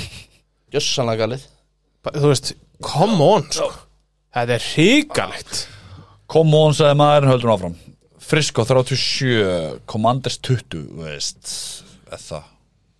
Þetta er bara steiking og þetta komandisli er líka bara búið að vera sístu vikur bara eitthvað svona hálgjört Heiniki benchaður kannski stærsta sólínu sko. Já, og kemur er góður inn á. Að það Já. var Mér frábært átti þetta reyndar ósangjart uh, backing þó að Vents hafi alveg verið ágættur Já, veist, hann var búin að vera alveg allt í lægi þú veist, og mér fannst þetta svolítið fyrir, fyrirfram, þú veist, fyrir en að leik komið fréttur um að ef Heineke, Heineke væri ekki nógu góður, þá væri hann bekkjaður. Og það er eiginlega bara að setja gæjaðinu upp í eitthvað fylgjör á móti þessari vörn að setja þetta fyrir hann. Hann er sama og þá er, ertu basically búin að taka ákvörðunna Já, já, hann er, eins og sé, hann er með nákvæmlega sama reyting og Pördi í þessum leik, sko, og hérna, en, en stundum þarftu bara að gera eitthvað, þú veist, sem þjálfari. Og þá er heldur þægilegt að vera með backup QB-in inn á og skipta þá, sem þú sóttir. Já, sem veist, þú veist henda, henda hérna aðal QB-inum inn á inn í sögða og hérna, en ég meina, það er bara skildu sigur hjá Nines og ég hendi á spjallið um daginn að að þú veist, ég, í hverju er ef við tökum tvö bestu liðin NFC sem eru Eagles og Niners, í hverju er Eagles betur en Niners í dag? QB play en ég meina, myndi, myndi taka sóknina hjá Eagles fram með sóknina í heild hjá Niners og ég er ekki að segja að ég sé eitthvað ég er bara að spyrja ykkur. Já, út Þetta tala um pundur í pund eða svona litið ég svona bara, aðeins bara þú ert að fara að vinna leik. Tækir Þeir Eagles sóknina eða Niners sóknina ég tæki ígulsóknina vegna þess að ég hef séð og gerði þetta both ways. Ok. kasta og hlaupa. Ekki, ekki bara sem að mér finnst svolítið, þú veist, við sjáum hvað hjálpa Pördi mikið að hafa Kristján McCaffrey Já, og hlaupaleik sem 100%. virkar. Já. en þú, svo sérðu að þú getur hendin í sóknuna öðrum kostebak sem getur ekki hlaupið. Og það bara svona einhvern veginn reddaðist Já, já, ég en, tæki vætir síður hann að báða hjá Eagles. En, en ég menna þú veist eins og núna er Kelsey allt í orðin Kelsey aftur Kittul. Allt í orðin Kittul aftur og farin að grípa boltan og, og bara með 120 hjart og 2 touchdown og tæpur á þriðja ef maður rétt í þessum leik. Og hérna það er svo Pördi bara muni að hann getur gripið boltan líka eða þá að Shannon er bara fann að kalla þannig að, að því að hann treystir ekki Pördi í kannski lengri kost en á tættin skiljið sko, nei, nei, það er veist, það er það sem að mér er svo magna við að Pördi yfir Jimmy, að Pördi er að kasta langt. Já, ok, já. veist, hann, hann er að eiga, veist þessi löngu köst eins og voru hérna, annað tölstunni á Kittul sem var reynda að freka fyndi því að hann go, uh, went rogue Það var, það var alveg gali, hann var aðleitt En Nei, ok, sko, þeir voru báðir, þeir hittust. Kittul sagði sko að Reyri með Cloud sem að hefði gripið þetta, Já. mögulega eða hann hefði ekki droppað því, hann held að hann var í safetyin. Já, einmitt. En hérna, sko þeir hittust þarna báðir en ég veit, ég veit ekki alveg hvað ég á að segja, þú veist. Þetta er bara geðveikt, þessi er náttúrulega geggjuð og Sjana hann var náttúrulega íta á þetta Washington lið út að hann hatar samsteipuna, hann hatar Dan Snyder eftir hvernig hann fór með pappans. Þannig að þú veist, maður sáða að hann var svona pínu running up the score sem er alltaf læg á móti þessu lið og 49ers með stór play sem leik, þú veist, Nick Bosa er, hefur aldrei sakkað jafn oft á tímabili og hann hefur gert í þessum og var geggjaður í þessu leik defensive player of the year. En hérna, en punktur minn er bara sá að þú veist, þeir eru með Christian McCaffrey sem ákvað bara að vera aftur prime Christian McCaffrey. Mm. Skiljiði, þannig að þú veist, bara besti sóknumar í dildinni uh, svo, svo, þetta er bara að ranna svo vel og er það er þetta er að því. frábært lið það er ekki mikill munur þarna á, þú nei. sem um að velja Já, ég skilji og ég skilji X það Ég er ekkert endilega vissum ég myndi taka Nænes ég finnst það bara pæling. Að því ég myndi alltaf taka vörnin hjá Nænes fram með hvaða vörn sem er ég tæki bara er, þú veist, Pördi er að spila gríðarlega vel Big Cock Brock. Geti treyst í þú veist, það er líka, Já, það, það, veit það ekki. Já, sko, það sem að impressa mig mest við Pördi sem að, e, e, sko, þú sem, veist að endur taka þig bara, sem- nei, ég er að tjóka. sem að hérna, sem að ætti eiginlega að vera algengara er að hann þekkir sín takmörk sem er alveg, víst alveg rosalega óalgengt í þessari dild við erum að missa bygga hérna, Við passa erum þig. að tala svo mikið um Pördi, sko. Vist, ég, ég segi Big Cock Brock að þetta fyndi nickname sko. En ég við erum, við erum alveg að fara að tala um veit þetta er það. alltaf leið Nei, ég er bara, þú veist, ég er bara öfund að matta Gaman að, liða hans sé bara gott, skilur Getur performað og ekki valda hann erum Já, þarna er með gleru er að þjálfa liðið þitt sko, hann er að Já, tífæri minn.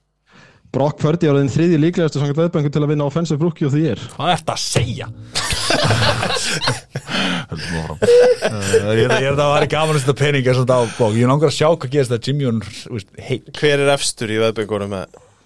Garrett Wilson, Kenneth Walker, Pördi, Christian Watson, Chris Olave. Ég ætla að segja, ég vil eiginlega fyrir að hérna, Jets eigi bæði defensive rookie of the year og Já, það væri geggjað, sko.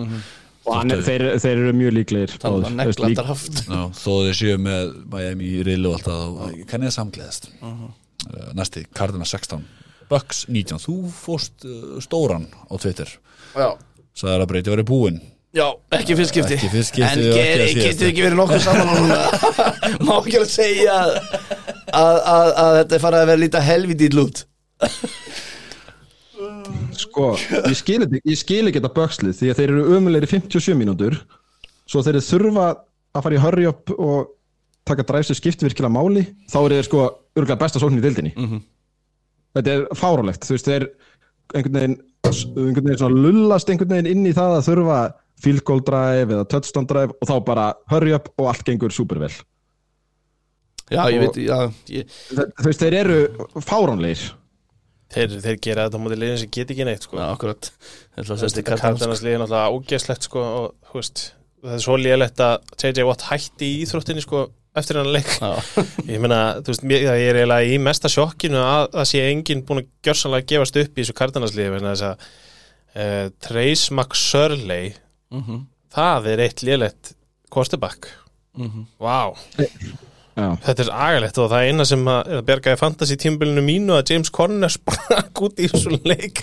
En ég meina hvað á maður að segja? Ég meina Tampa Bay, þetta Tampa lið þú veist, þessi deild er á svo vondu stað, maður er á svo erfitt með að tala ekki um hvað þetta er lélegt. En hvernig geta öll lélugu lið raða sér í tvo riðila skilur, hvað er að gerast? Hvernig erum við að enda með með bara yfir höf liði í playoffs úr austurreilunum bara? Uh, Nei, á segi ég, þú veist þetta er bara wow. Sáu þið, sko, þetta er Andri Hopkins var með tíu target í þessu leik. Sáu þið þessi target? Nei, Út af því að sko, ég held að hann hafi gripið eitt fyrir fjóri hjarta Jú, og mér, en fannst, vor- mér finnst það bara nokkuð góðu leikur hjá hann með að við þessi target. Ég sá reyndar að hann, var, hann kastaði svona, ég ætla að giska á þetta hafa verið svona rétt um það bil 87 cm yfir hausin á honum í hvert einasta skipti. Já, þetta var hræðilegt það var eins og hann væri að reyna að kasta boltanum í burtu í hvert einasta skipti og Hopkins var bara í sömu línu sko. Það var svakalegt. Það ræða við félagum minn að svona ættu lið að lukka með QB3 Já, ég get svo sem sagt þér það. En ekki 49 þegar hann er að tala um Purdy. Það er ekki rétt um Ég mér meni það er náttúrulega draumurinn Sexbury er ekki sjana hann. Já, það rétt hjá þér. Það Sexbury þér. náttúrulega fær bara stígvéli þú veist, það er bara hund, ég held að sé 100% á því að þetta, þetta er búið sko. Þú En getur ekki farið aftur inn í þetta þetta rugl sem er á milli þeirra og Kæler sko. Starf, Kyle Murray var að lokka eitthvað svaka skinn í Call of Duty hann náttúrulega ekki, hann getur spilað eins og hann vil hann, Það er eitthvað, ég er ekkert að ljúa sko. Þetta er legit sko. En eftir stendur að Tampa er í 80% líkum að koma sér play-offs stæfum og eiga Panthers og Falcons eftir. Panthers heim og Falcons úti. Þannig að þeir fara að öllu líkingundum í play-offs, erum við ekki sammála því? Ekki mjög ljós. Ég er svo pyrraður að vera ekki með svona 8 miljónir undir á, undir á Cardinal sko Hvað segir þú, já. En hérna, en þú veist, og Já, ég veit ekki, ég er bara að því miður og ég meina, þú veist, ég bara Hvað er Cardinals í draftröðinni? Þú varst með þetta á opið á hann, stefna með opið Fjögur. Fjögur, já. Guð minn almáttur Fallegt. Pældi í því, þeir að þeir fóru ekki inn í tíumbili ætlasti til þess að vera með topp 5 pick sko, ég get lofa eitthvað því. Nei. Er eitt punktur bara svona til að klára hann leik. Mike Evans hlýtur að vera á leiðinni í minnst impressive 1000 hjarta season ever. Já, hann Yep. er bara, það er sorglegt að horfa á þetta chemistry sem var svo gott hann að fyrir tveimur árum. Já. Er hann að fara í Hann þúsund á- já, já, hann er sko á leiðinni. Hann er peysið hans er allavega þannig ég veit þetta er átjör leikir en hann er á leiðinni. Jæja, Ok, Já, já. Ég sé hvað er næst. Já. Vertum meðlega að vera með lag. Ha? Vertum meðlega að vera með eitthvað lag fyrir því. Bara eitthvað Já. svona. Ok Nei, við erum í, þessu. Ok, ég ætla að spyrja. Jarðafæri hann með hérna, Sigur Sigurðars uh, Dolphins 20, Packers 26 Þið töpuðu þessum? Já, hörru, það er rétt hjá þér Kalli, við töpum þessum Hvernig þið töfum þessum veit ég ekki alveg Það er eiginlega ótrúlegt sko. Æ, stokkar Nei, ég menn, og ég er ekki bara að tala um hennar hálf Ég er bara Ég að skil um bara í hvernig ég fór að tapa. Nei, ég skil það ekki, við erum eitthvað feik Þrjú turnover, þrjú stig. Já, feik Og það er af turnover á 20 í þetta línunni Fourth and two og eitthvað með bombunum á Watson og Rodgers hendi sko fimmjart yfir hann og ég, ég, ég bara, eins og ég segi, ég er náttúrulega var úslega pyrraður út í, bygga, sérstaklega, í fyrraháleik að því ég var búin að segja ykkur, að ég ætla að horfa á þetta að því að ég var í jólabóði og ætla að horfa bara í beint og byrja hálftíma setna eða klukkutíma setna Nei, nei, og, og, og þannig að ég mjútaði mér þess að tíu og notað þessa spjall spjallið í átta klukkutíma. Svo bara byrja að byggja setja með persónu skilabóð og atta mig á Twitter og ég bara, ó, herru, þá hugsaði ég bara þetta er eitthvað rúst og ég nenni ekki að fara í rúst. Það var 17.10 Hvernig finnst þér hann að við atta okkur báða í sikkoru tvítinu og fengið það í andlitið? Allavega og, hérna, og ég bara, herru, að 17.10 og ég og bróðum minn, hérna, haukur, horfum og fjölskyldan vorum heima honum, horfum bara setna áleikin beint sem ég sé alls ekki eftir af því að Já, gott. það var geggjaðu leikur djúvill hafði ég gaman að hann og ég var hérna að fara að hlaupum og kissa sko bara tengda með bróðum mín svo eitthvað, ég var svo spenntur. Nei, það er bara svo liðis og hérna, og Helviti hefur bólinn runnið ljúft, já. Og rauðvin þetta kvöldi, þeir eru allavega en hérna, og bara þú veist, pakka sér ekki að spila vel en þeir eru að vinna leiki. Við getum alveg sagt það að þú veist, þeir eru bara legit að finna leiði til að vinna leiki og við tökum kannski eftir þetta með heilaristingin en hérna, en Já, já, við höfum svo umræða bara handa já, já, en, en þú veist já, ég, ég veit ekki alveg hvað maður á að segja annað en bara þú veist að, að það er komin einhver smá andi í þetta pakkaslið og Rodgers er farin að henda betur þú veist, hann er farin að henda betur að mínum að vætri sífikorið er aðeins að lifna við. Það er komin andi og vörnin kveikt á sér í setnaðlega Guðminn Almáttur og þú veist bara, vonandi ég er að vona innilega að við förum í play-offs sem er bara ágætis, ekki ágætis líkur en það eru líkur að þeirna Okkar vandamál. Ég segi okkar það tala um. Okkar höfrungana. Ok, uh, Við erum að treysta alltaf mikið á big plays. Uh, Við erum í vandræðum að losa vörnir okkar af á crucial third downs. Við erum með mikið af svona stupid penalties bæði svona false start hjá sóknarlínu allan að helst á og samanskapið er náttúrulega ekki eitthvað svona BS calls eins og þetta fucking roughing the passer og third and ok, 15 já. það kjaftaði Já, en var það gerir samt svo er samt kjaftaði það er Alveg eins og pikkið ykkar og Rodgers var ekki pikk en og þið fengur síðan, svo var að greið sem ekki challenge skiljur, það er eins og það, það er bara partur á leiknum. En það er samt, við erum svona sammála því við höfum talað um áður að domgæslinn í ár hefur búin að vera hrikalega Já, en ekkert verri fyrir Miami ykkur önnulið nei, Ok, ok, ég er að benda á það samt sem áður að það hefur áhrif á þennan leik. Síðast sem að sagði Risa. áður einhver út Vertu góðu bygga En ok, alltaf fram hún alltaf fram hann er alltaf meira rökkumæður hérna Jason Sanders klúrar hann að kikki skiljur sem að Mhm. fær, fær leikirinn úr því að vera skiljur field goal hérna leikur versus Hefðu unni ef að þið hefðu verið 23 yfir hana. 23 í staðin fyrir 20 í hálfleik. Ég er 100% það Já, allan, það er bara annað spektrum. Þetta, þetta er bara alltaf leikur ef þú ert að reyna á touchdownu versus field goal það er bara staðirind, við veitum það allir hérna. Og samanskapið þá er bara short veist, við getum bara ekki átt short play. Oh, vantage, við, við, bara, við náum bara ekki að koma boltanum upp átt að máða fangin hjarta og ég skil ekki af hverju er svona erfitt að nota fucking Mikey Sicki af hverju er þetta svona erfitt? Ég skil Ég ekki að þið elska hættu að hlaupa. Af hverju, af Og hverju, það líka. af hverju hættu að hlaupa mútið þessari glötuðu pakkas hlaupavör? Ég skil það ekki. manni fannst Mostert eiga fullt af góðum hlaupum fyrir ára en, en svo tekur hann þetta fömbúl sem að breyti leiknum það breytir Já, svolítið leiknum líka, já, já, já. Og, og þá bara, það er eins og þau bara hættu og þú veist, og ég, ég bara ef ég var að þjálfa um til pakkis í dag, ég myndi bara hlaupa, hlaupa, hlaupa þannig til að bara, það fóð bara eitthvað panik Kýrnar mót komu inn. yfir þetta allt saman Já, sem er uh, bara fáránlegt að mínum að á móti, ég brotið til lið og pakkis er og eins gladur ég var að fá Bradley Chubb love the guy Ok. skilurðu. þá er hann búin að vera svolítið draugur Já, ég, ó, ég um Einmitt. Jalen Phillips sem er númer 15 Geggjaður. já, sem að fengu fyrstnarpekki fyrir geggjaður defensive Phillips og Og Wilkins. Eru drullu skemmtilegt dúo sko. og Javon Holland líka, nummer 8 safety í okkur, sturlaði leikmenn. Og við erum bara ennþá með þessi vandamál með kornabakstöðun okkur. Og, og sko, til og með svo Savian Howard hann er búin að vera draugur sko. Gjössamur draugur á þessu tímili Meinaru Pro Bowler? Já, pro bowler Savian Howard, hann var sjálfur í sjokkjan að vera í valin Já, sko. hættum bara að tala um þetta próból Þetta er bara kjafta Já, ég veit það, en þú veist, ég bara að segja, skilja, Ég er- er ekki að skjóta eitthvað En þetta er bara, þetta er bara fálun hvernig þetta var alveg stundu En stór umræðan alltaf í þessu öllu saman er það að Tua er alltaf farin í concussion protocol. Já, mér nokkur að segja það. Ef að Túa kemur í ljós að hann er með heilaristing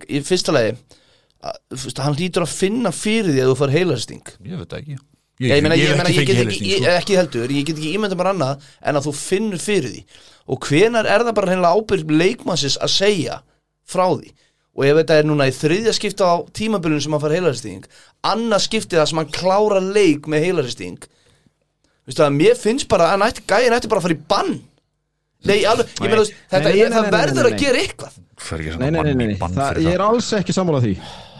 Út af því að, þá þóra leikmenn alls ekki að Nei, nei, ég skil það, ég kaupi það, ég er ekki að segja en eiga fyrir bann En þú verður að henda ábyrðin ykkur tímann á leikmann sjálfan líka. Út af því að sko það komi ljós að þú veist, hann síndi náttúrulega ok, segjum sem svo þú veist, þú getur ekki sagt að þrjú skýta eint eða skýta hálfleikur sé einkenni, því þá væri Sack Wilson í protokólinu í hálfleik og eftirleik.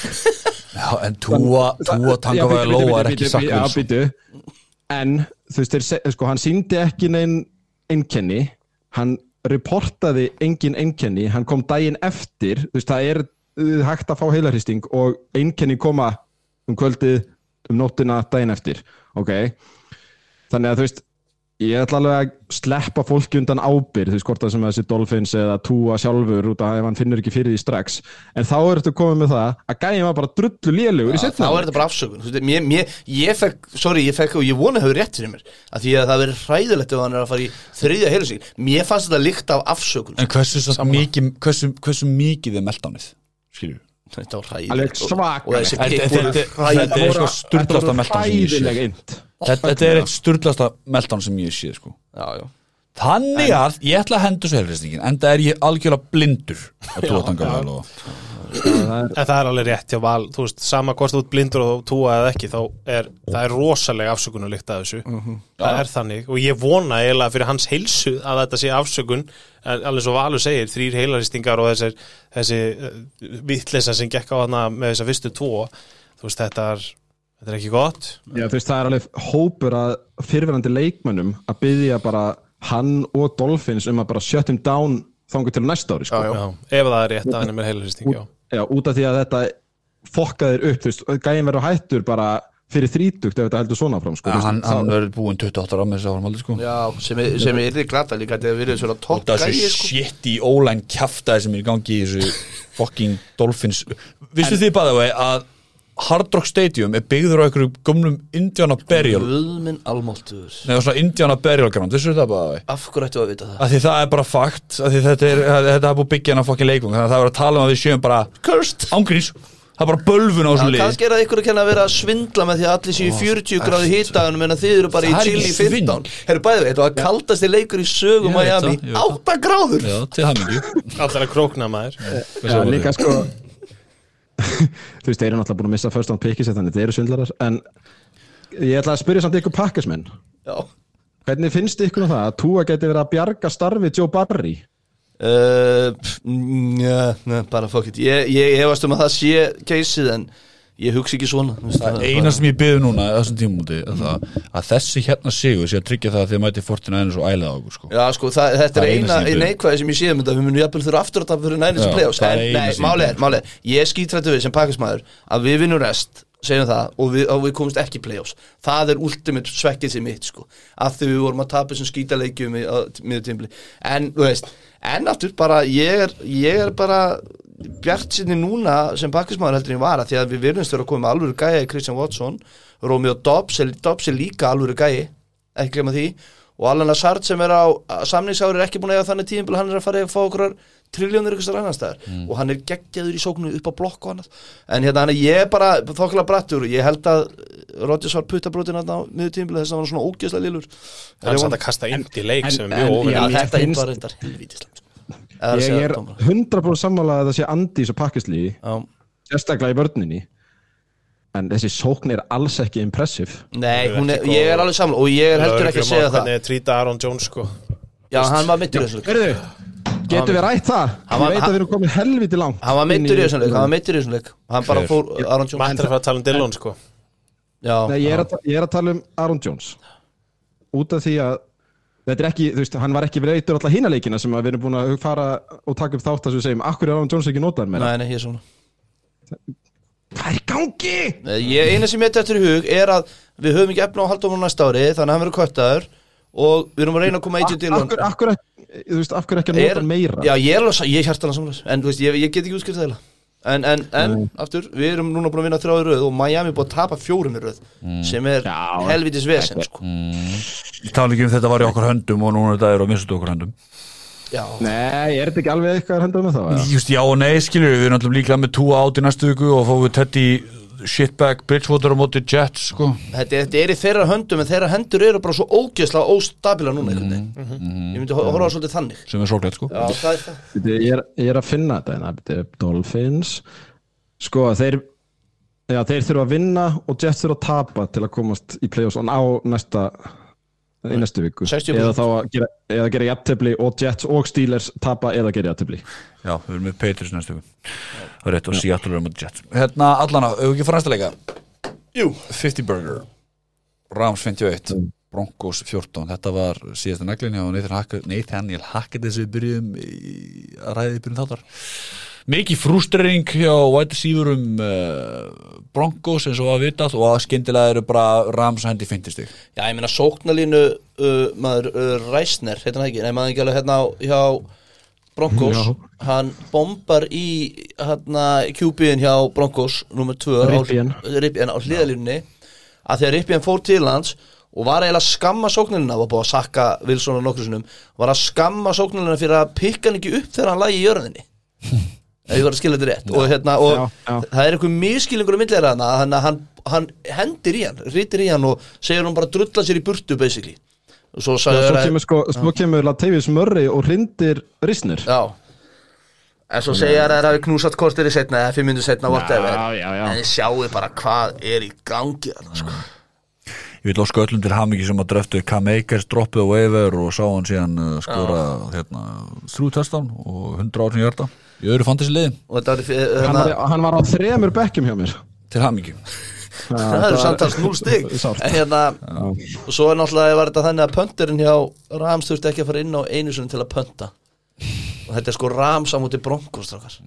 Broncos var bara mm topp vörn í dildinni sko. Það var engin átt meira að skilja að fá stífilið heldur en ekkert Nei, líka pæliði, þú veist ég held að fyrstu tvær náttúrulega sendingar Wilson held ég. Þú veist, hann var komið 0 yarda og 2 interception í byrjuleiks já, þú veist, þannig að ég skil alveg vörnina að segja bara fuck this. Já.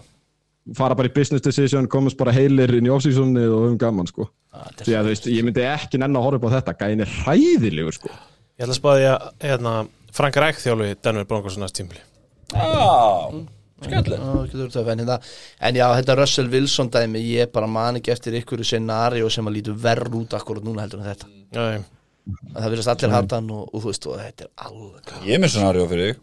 Hvað með það? Colts 3, Chargers 20 Colts líður scenario. Já, en þeir eru ekki með samning næstu sjö árin en ég skil hvað við Nei, með Þeir tekið við honum, þeir elska góðan samning. Góð skipting af mig bara. Já, mjög gott segway. Segment. Segment, Nei, fyrir ekki. Nei, segment Já, flott. Nei, Segway, áfangak, já. Býta aðeins, segway. Herru, já, já. Bara til hamingju Chargers Til hamingju Justin Herbert Fyrst skil sem þú fyrir playoffs. Ég og Matti horfum saman á þennan leik á Messenger já, það var Og ég sagði við Matta miðjum fjórðarleikluta eða þriðarleikluta, ég sagði bara af hverju eru að horfa á þetta? Og Matti svaraði já. Ég held að sé árið rétt svar. Það eru jól Já. Ég var að klára Hamburgerrygg 2 á beininu þannig að ég hafði á, ástæði til að vera vakandi. En þessi leikur var það var engin impressive. Þú veist, Chargers eru bara betra lið. Þetta var, þú veist, jújú, jú, maður svona hjarta tók smá kipt þegar Dervin James letur eitthvað sig að velli fyrir að gefa sér og Aston Doolin heilarhristing með einhverju hróttaresta hitti ásins shit, og þegar maður horfi, sko, hlustar á þetta í svona real time aftur, bara höggi og meiri segja, sko, kona mín sem gæti ekki verið meira saman um þessu íþrótt bæðu við hún meiri segja náði að kreista fram viðbröð yfir þessu, sko. Já.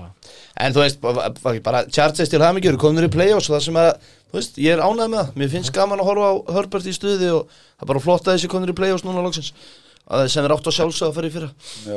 Ég, er, ég er með svona smá statsumunaleg sem ég fannst áhugaverð þetta er í fyrsta sinn síðan að Herbert komin í dildina sem vörninn hans gefur upp minna en 13 stig. Hún hefur greinilega verið frekar léleg maður haldið að þetta kemur svona einu svona einu sinni inn á milli sko. Colt síðan að Jeff Saturday tók við,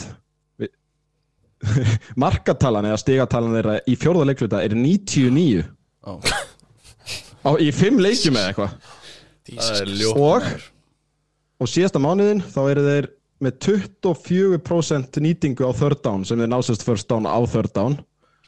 Denver Broncos 34 þannig að það munar sko 10% þetta er sko alveg hróttalega lélegt og Nick Foles getur ekki neitt og ég veit ekki af hverju hann er þarna. Þetta var, hann tók nokkur hlaup í leiknumstókar Ég er ekki að tjóka það er eiginlega þessi virði að horfa á það að að þetta var eins og að horfa eitthvað sem er að koma bara á götunni að hlaupa, þetta er eins og ég hefði verið þarna og ég hefði alltaf að skrambla nokkra hjarta og ég er ekki að tjóka Bara from Stekkjarstaur couch to bara. Já, 5k þetta var bara, maður þetta var, og svo í einu pleginu sem vorum að ræða þá er eins og hann hætti við í miðjunni þegar að varta veistu það, þetta var ræðilegt Já, þú veist, hann sá bara stóra vöðamikla menn á móti sér bara, Já, fuck, nei. og svona einhvern veginn, sorry, sorry, sorry og svona beigir sig einhvern veginn. Mýmið með þannig litla Ég held að einn verst ígrunda bara ákvörun tímbilsis hafi verið að reka rækvar á það Saturday. Þetta er bara, Já, en- þetta gæti ekki lítið verið út sko. En ég maður skildi svo sem það líka alveg. En já, herru, aflangak ekki ráðninguna en já. Áfram gagsaði maðurinn. Förum í þetta Við erum búin að fara í þetta leikina. Tók langa tíma, við náttúrulega kunnum ekki að vera enn tíma. Nei. Formúlubílinn er svona eða bara eitthvað meginn svona, við, þú veist, ekki meint viðmið. Hann er bara Hann er bara sound effect. Já, hann er bara sound effects sem við notum Hérna, við opnum fyrir spurningar. Eins og svo ofta aður Gaman að fá spurningar. Já, alltaf. Þetta eru mjög góða og skemmtilega spurningar hérna En ég ætla bara að renna í hérna með þetta snakast uh, Maggi Böðspil, kemst Go Paco í playoffs? Ég ætla að segja nei. Mér finnst það er ólíklegt. Ekki okkur að kenna. 2% En jú, það er okkur að kenna En ég held að, ég held að Pakkis vinna út. En En ég held að Commanders tapi eða, veist, Ég held að Pakkis gerir sitt En það sé ekki nóg. Ok, hvað séum við þið? Hvað er það sem þarf? Við þurfum að vinna restina Commanders er að tapa einum Eða Giants tveimur Og, Commanders á, á sögðu, Colts Nei, Nei. Giants eða Colts Já, Commanders átti næst Æ, Ég var ekki. með þetta hérna. Þeir, eiga Browns og Cowboys þetta er Já, en sko Cow- Cowboys er gætu ekki þeir hafa ekki neina kepp í síðustu leik mm. og ég bara einhvern veginn sé ef ég væri Cowboys og ég mætti velja á milli Packers eða Commanders í playoffs. Og Packers með og unnuð á tímumbilinu og eru búin að vera með í vasanum í úslutikefni undanfærin ára tug sko þá myndi ég alltaf velja Commanders og ég er svolítið hrættu við það. Í miður. Ok, mér finnst þetta eiginlega líklegra enn 32 Já, ég, ég skilða alveg, ég held að ég held að við fyrir ekki því miður. Alright, Lórum uh, Næsti, Bjarni SN Hvað fór eiginlega úrskeiðis og Rams this season? Hvað fór ekki úrskeiðis? Það er bara frábær spurning. Uh, Sóknarlínan náttúrulega bara var þeirra akkilesar hell megnið að byrjunum á tímabilinu og hlaupaleiku sko. Matt Stafford náttúrulega availability sem einhverju var það? Availability is the best ability. Takk. Stafford Þetta er eiginlega meðsli og lélegt self-scouting. Já, Þeir bara voru pínlegu krókaföldi þegar komin í þetta tímabili einhvern veginn. Hér Já. að Warner addið væri bara nóg sko. Og Andrew Whitford náttúrulega fer úr left tackleunum hjá þeim og hann er bara miklu meir en gæi í sóknarlínu hann var greinlega bara eitthvað líminn í klefanum og hann var að taka viðtalum daginn við hann hérna McVay og McVay sagði í viðtalinu bara já veist það bara maður engin veit hvað átt hefur fyrir mist hefur basically og að missa þig úr klefanum var bara en við heldum og hann sagði þetta bara í viðtalinu við hann. Já. þannig að ég held að það var hjúts líka en svo náttúrulega er líka búin að vera mittir og, en já, þetta er bara, þú veist, ég held að kalla hann þetta fyrir tíðan bara þegar voru svo top heavy sko. Svo er bara ekkert í kring. Nei, og ég og Matti voru með þetta mitt bara Já. hvað þeir höfðu mist sem að fólk var ekki að pæli í að þeir höfðu mist sko. Það var helvítið þungt sko. Næsta Já. Sími læstist. Uh, Patrik Aron mikil bersmaður Komast Bears í playoffs á næsta sísoni Sko, fyndi, ég var að skoða nefnilega hérna free agency markaðin á sísoni hann er ekkert sérstakur. Úff. Við erum á þessu lista ofalega. Já, með topp 100. mjög ofalega sko. Ég manna hérna, þeir sögðu að ég er ándi í NFL að þeir, þeir setja alltaf saman top 101 og þeir sögðu það verður bara stingar sko. Új, já, ok. Virkilega slæmur og, en ef að þeir gera rétt þá, Mhm. þá mögulega, já. Ég meina ef að NFC er bara léleg þú veist, ég meina það eru fleiri lið í vandræðum sem þurfa að bæta þessi leikmunum og ef markarinn er lítill og þeir eru með mesta peningin þá er þeir náttúrulega líkil stöðu, góðri stöðu. En ég hugsa, jú, jú, akkur ekki. Allt ekkert í þessu. Já, ég minna Frekar, það eru lið að fara inn með áttans yfirleiki hérna. Sóknarlegin er búin að vera allt í lagi í ár sko þeir þurfa að örlítast styrkja hana og það verður eiginlega fróðlegast að sjá sko liðin eins og Packers og Vikings. Þú veist, hvernig þau verða næst tímabili. Sérstaklega Packers kannski. En hérna, já, já, og Vikings svo sem eins og umræðan að Já. Eiginlega Lions líka sko. En, en og já, Lions líka, já. En það sem maður hefur alltaf verið með bersögnir með vörnina þeir þurfa að bæta hana núna bara þú veist, þeir þurfa að eða bara taka bara hérna, hverju voru það aftur, voru ekki Colt sem eitthvað bara öllu draftinu í, í vörnina að Panthers, Panthers. Þeir þeir þurfa að uh, styrkja vörnina nokkuð við núna, þeir eru búin að treyta allur En það er alveg, ég myndi segja fína líkur. Ég meina þeir eru að spila vel þó þessi að tapa leikjum. Þú veist það er allt annað að sjá bers núna en það var. Það er bara þannig Það er bara þannig. En svona alltaf er þetta gíska með og pæli í þessu. Bjartur Eili kemur með pælingu. Eru Brady, Russell Wilson og Rodgers búnir? Bara lél sísón eða verða betri næst? Vætri sífur að klikka eða annað? Eru ekki samt, við tókum við svolítið um daginn. Svona gæjar eins og Rodgers og Brady náttúrulega komið vel aldur hafa svolítið svona afvegalegt þess að kortibökkumræði að þeir geti spila svona langt inn í aldurinn saman bara Russell Wilson núna skilur Jú, við töluðum um þetta um þetta hvort að þetta var ekki frekar sýndur. sko. já, brís og þessi kynslu af gaurum eru eiginlega dottin út sko, hvað er, þú veist, maður kannski sér Herbert er svolítið í þessu formi að geta mögulega, þú veist, hvernig hann spilar. Já, já. en restin, þú veist, af þessum ungu strákum er yfirleitt svona running gæjar, sko. Þú veist, eins og við vorum að tala um Bears ég meina, hann er ekki að fara að spila til færtug, sko. Það er bara ekki fræðilegur. Lama Jackson tæplega, þó hann sé fýtt kastari skilur, þú veist, það er bara svo mikið í hlaupaleiknum hans.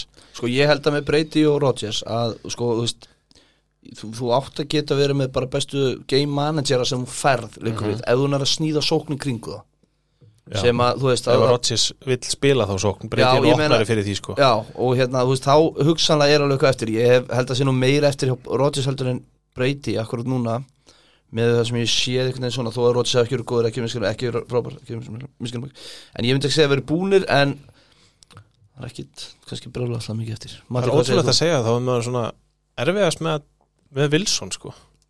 Ég Já, finnst sko, ég er farin svona ef að þeir ráða rétt og off-seasonið fer svolítið rétt í gegnum fyrir Broncos þá, þá gæti ég alveg ég er ekkert gapandi ef Russell Wilson er í comeback player of the year á næsta ári sko.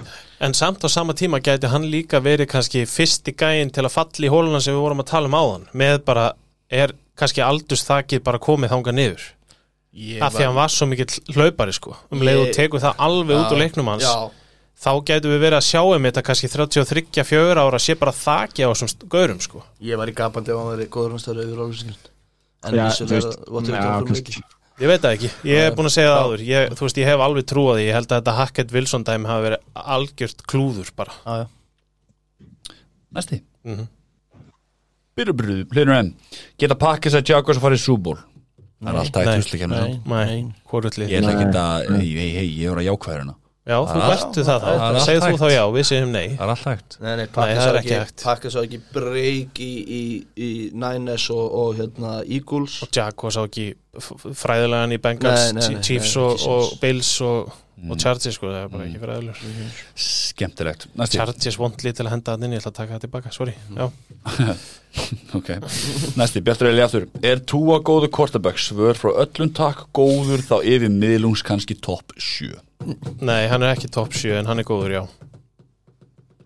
Hann er mjög góðu quarterback, já, Ég, hérna, ég mun gjössan að deyja á þessum hól uh, með sitt 155 passending árunni 25 touchdown og 8 interceptions Auðvitað var það klárt. og- Já, já, 65% og þrjá Já, heilastíka en hérna, 3600 hann er góður en hann er ekki top 7, alls ekki. Og hefur verið í brekku allan sem feril og afskjöðar miljónsinnum Valur? maður er alveg með sín ég, ég, ég hef séð t- þrjá heila leiki með Nei, meira sér bara tvo held ég heila leiki með honum. Ef ég tek hann heila leik á móti Pakkas Því ég horfði, horfði ekki á hann á 40 minnum aftur.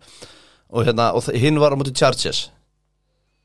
Um og aldrei aldrei leikendur að horfa á. Já, en ég menn, ég verði samt að dæmi eitthvað út frá þessu Og svona, þá er ég bara að tala um þessu tímabili En svo hef ég séð náttúrulega alveg og glefs horfðu á reyfinsleikin Já, og ég horfði líka bilsleikin að mestu. Var hann í primetime? Eða, veist, jú, ok, ég horfði þá á Já, um bilsleikin daginn já. Mér finnst hann bara veist, hann er ekki lélugur, mér finnst hann ekkit frábær sko. Og hérna, ég bara fer ekki af því Og ég Ég treyst honum ekki Þú veist, og það er svolítið það sem ég hef Mm. Túa, ég treyst honum ekki. Matti, Ég kem bara aftur á sama teik og ég var með í off-seasonu Ég held hann sé bara örfendur Jimmy G. En hérna, sem sagt, veist, ef, hann, ef hann væri svona frábær Akkur eru þá tvö regime Sem að hafa verið hjá Miami Búin að reyna að losa sig við hann Fyrst fyrir Watson og svo náttúrulega með breytið hann eitthvað. Það var bara, það var Það eru, þú veist Það eru tveir þjálfarar Eða þú veist, eitthvað svona regime, getur ekki sagt það Því var ekki Mike McDaniel þegar breytið það með það að koma Mike setna McDaniel kom eftir það bara En það er tvísa búið að reyna að losa sig við hann Fyrir sko 45 ára breyti Eða 43 ára breyti sko. Og, og, og raðnökara eða þú veist. Og hérna og, og samt erum við hérna að tala um eins og þetta sé bara næsti mis hérna já, það er ég, þetta er mitt ekki Býtu fyrir ekki hann Gleði er- jól. Jú. í, í réttu systemi þá er hann alveg vel yfir meðalagi okay, flott. ég, ég skal gladur ég þetta hennan sokk og ég meina þetta ekki ég, ég, að, að, en nei, þú ert enda hræðilegu sigurveri sko. hann er er hræðilegu sigurveri. Hver? þú, þú ert eiginlega bara vesti sigurveri sem ég þekki. Þú veist, er líka káringur, ég hef allt sagt Ég það. alveg, ég, ég, var að hugsa um daginn Er það þessi sjö titlar eða sex titlar í röð sem að Karvan vann og Já. vinnur hans var að spila? Jæja, alltaf. Vinur hans var að spila, það eru bara sett ekki mín eða. Já, það er algjör hálfviti. Það er sko að koma þrjári röðina sem er, geta alltaf tengt sko. Tengið svo wildcardinu og tengið bara playoffs basically. Væri til að fara vel yfir hvernig wildcard lítur út hverja sens og allt það. Svo kemur wildcard spá og svo kemur í kjörfæri tekið eina í kjörfæri því. Klárum þetta bara, þeir eru að Davíð Rúnar og Sindri Jóns. Komið þessa. Hvernig lítur wildcard út sakar? varstu með þetta hana frá, frá mig Já, sko Wildcard eins og staðan er núna AFC megin eru Ravens, Chargers Þeir eru komnir inn. Já, þeir eru komnir inn.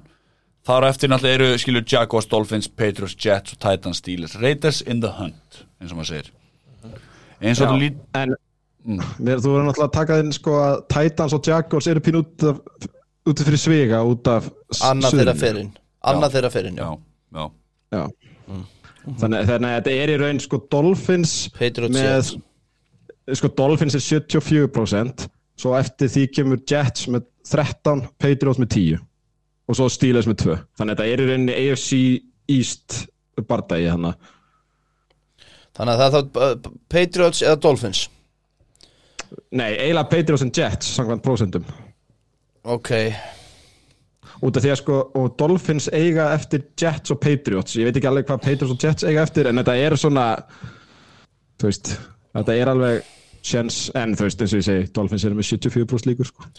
en ef að Túa er ekki með heldur að það sé búið að rekna það inn í 74% já, Nei. Það, það, það, það læk, jú hérna Tua entering the concussion protocol did reduce the team's playoff chances by more than 5% þannig að þeir fóru úr Svakalega 70, lítið.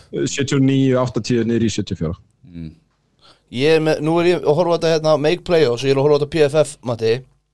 Já. uh, Miami er 61% hjá mér, hvað sagði þú? 74 Já, 61% hjá PFF Bara svo það sé á hreinu. Allavega, eins og staðinist núna einn ein í sjö, þá er bara Miami í sjönda sæti. Og þar á eftir koma uh, Chargers í sjötta.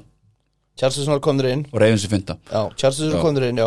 Já, það er þeir Ravens taka second spotti Þeir- að því að, að, því að þeir eru- Chiefs eru búin að sigra þessum riðil, skilju. Já, já, þeir eru bara búin nýju já. En hérna, já, hverju fyrir áfram?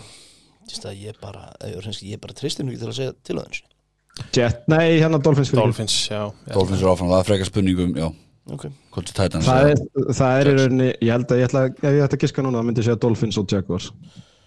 Uh, ég myndi segja Jaguars, ég samanlega þar, ég held að þeir vinni Titans.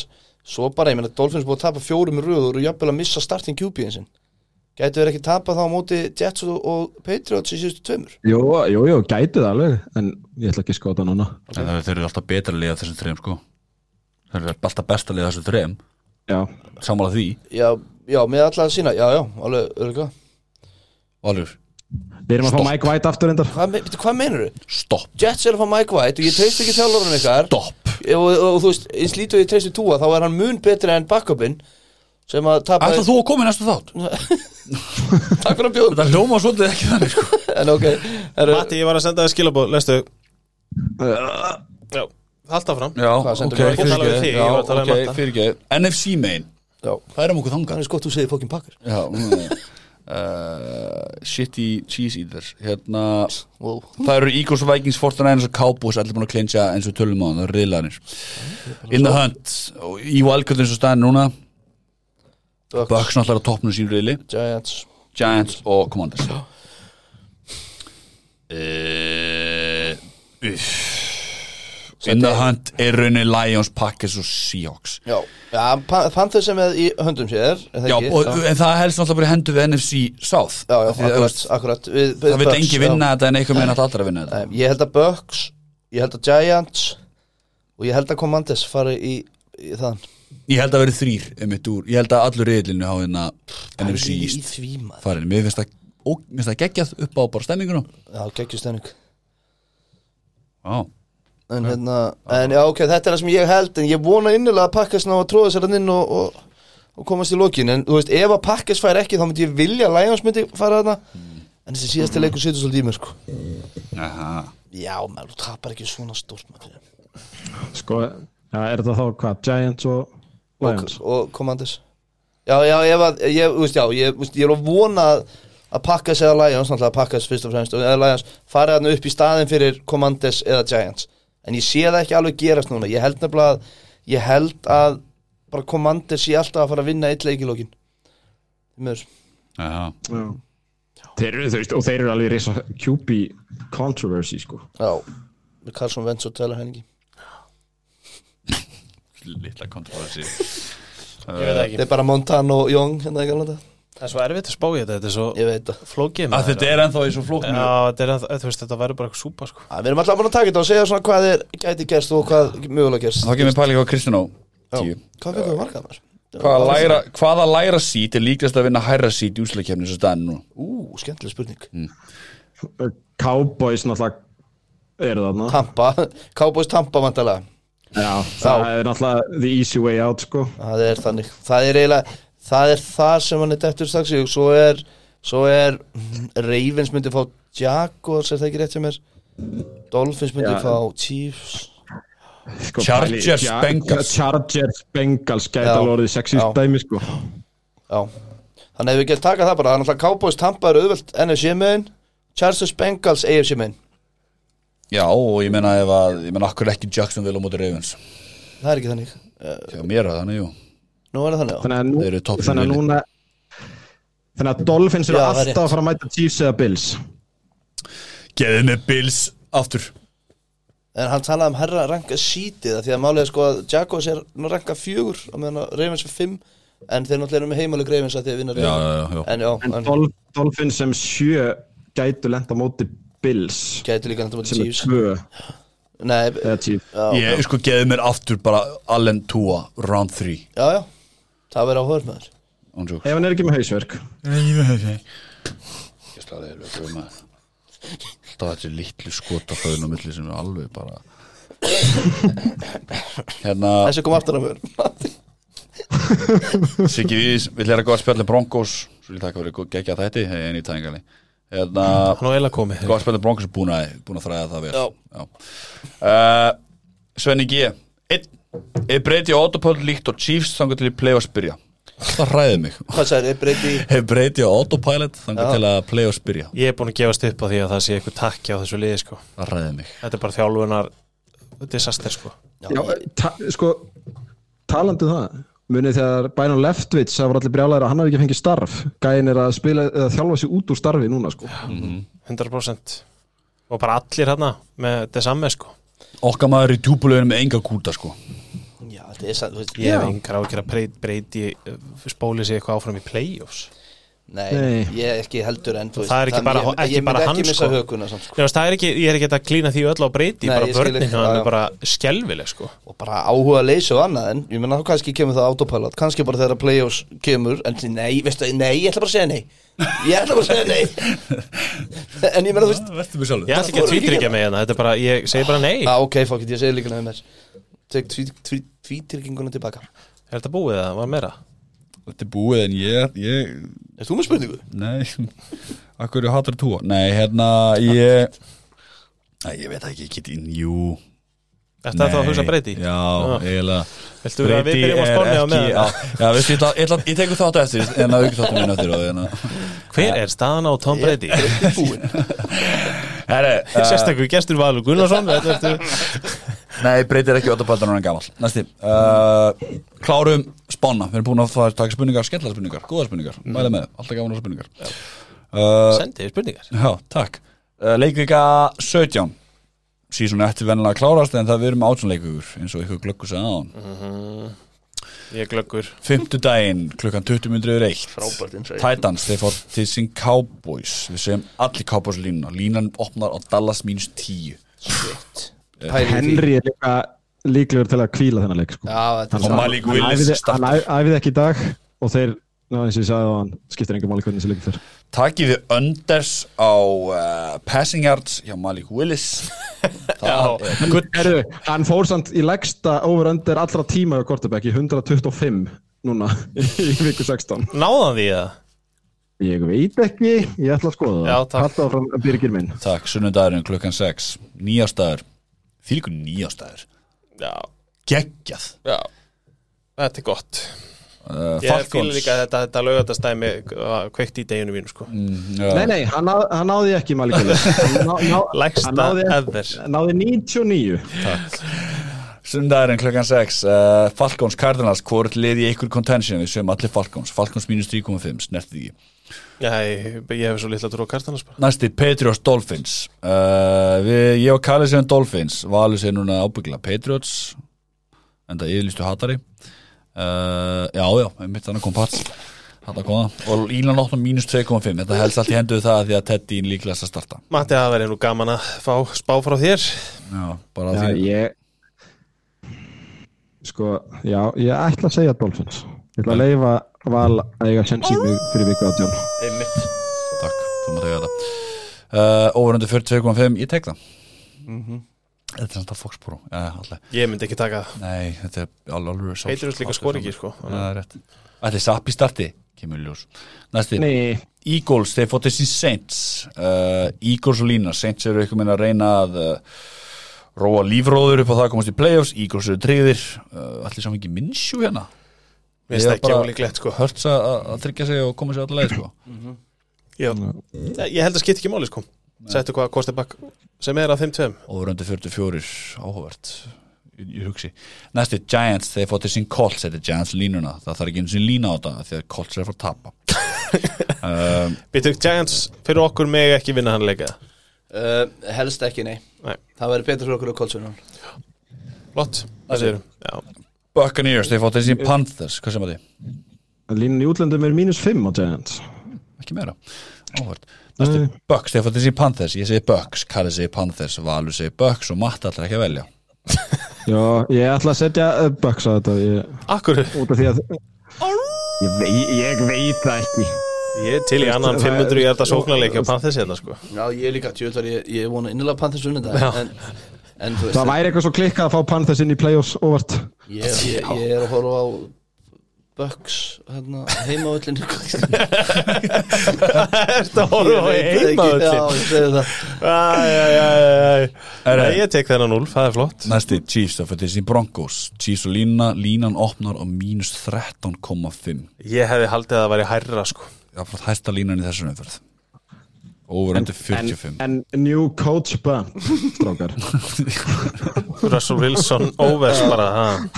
Það var Nickelodeon leikur um daginn Það við gætum að minnast að það. Ah, já, MVP Það var þetta heldur fyndin, það var heldur skemmtilegt. Já, þetta var sko, við erum að tala um að Russell Wilson hendi í, hérna, hendi í pick. Þá var hérna stjörnufiskurinn í hérna Svampi Sveinsson. He didn't mean to cook that. Hann var bara raun yfir hann eitthvað var bara að vera að Patrick í spon í, Já, það var Patrick, já, já. Patrick, já. he, did, he didn't want to cook that er alveg ég alveg galinn að taka bara Chiefs og stíðin hann það? Nei, Nei, Ég var, einmitt- sko, ástæðan fyrir ég sagði new coach bump var Broncos plus 13,5 Já, já, ég, líka, nei. en Chiefs sáða hann samt alveg til að gera skrítnustu leiki eitthvað smá spennandi sko. Þetta er líka í síðastleikur Það er eitthvað nobody sem að sérfræðingur í ákvarðanatökum að þjálfa á sko hjá hverjum Chiefs? Hjá, hjá Denver. Já, ok, Já. Jesus Þessu Andri ríti bara eitthvað algjörlega eitthvað eða ekki? Nei, ákvörðum tökum að þjálfa. Já, varstu að tala um hann að nýja Nýja þjálfara? þjálfara. Já, já. Ég veit ekki. Nei, Ég ætla svo sem ekki kalla hann nobody, ég bara veit ekki hvað hann er. Nei, ég held að þetta er rétt hjá Já, Næsti.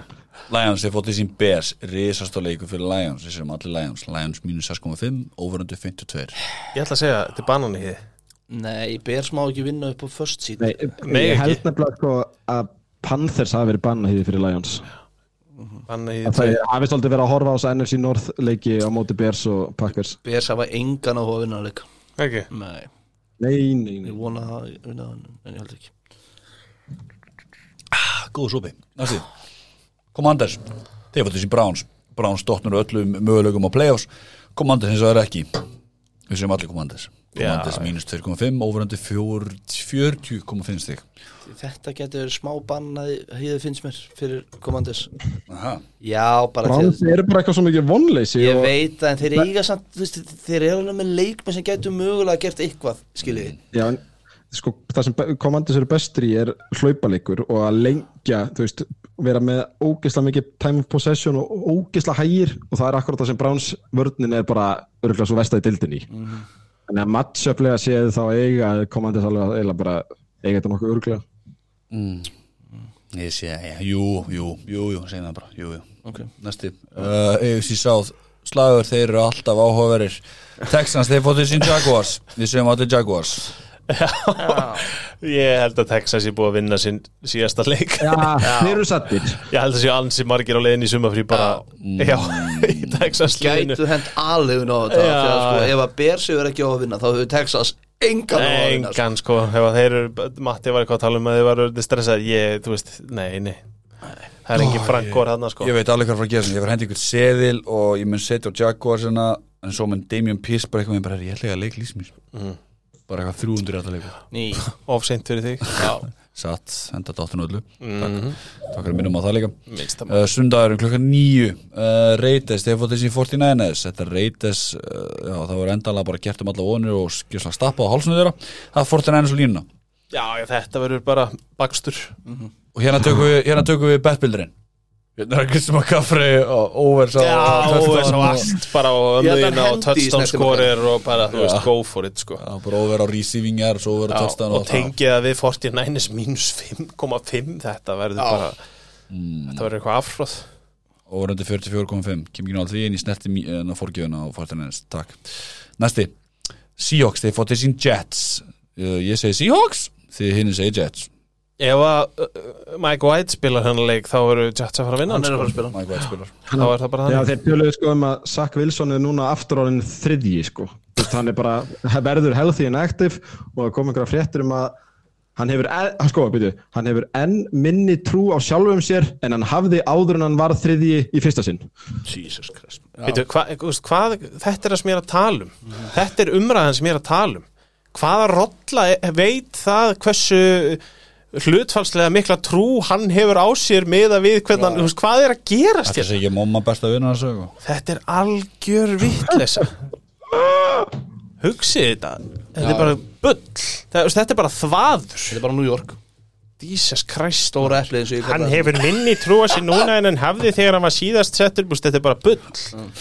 Stóra góður. Matti, þú breytir. Já, ég er svona, ég er geðveikt 50-50 ánuleik. Ég ætla að hann sagði gert. Og við erum að tala um næsta leik, ekki þennan sem við erum að tala um ekki, allan aftur bara. Nei, Nei, uh, Packers, Vikings. Ég segi Vikings, Kalli segi Vikings. Valur alltaf komast upp í 44% Þannig að hann segi Packers og Matti segi Packers. Ég held bara ég held að, ég held að vörnin hjá Vikings séu Eller fyrir hvað?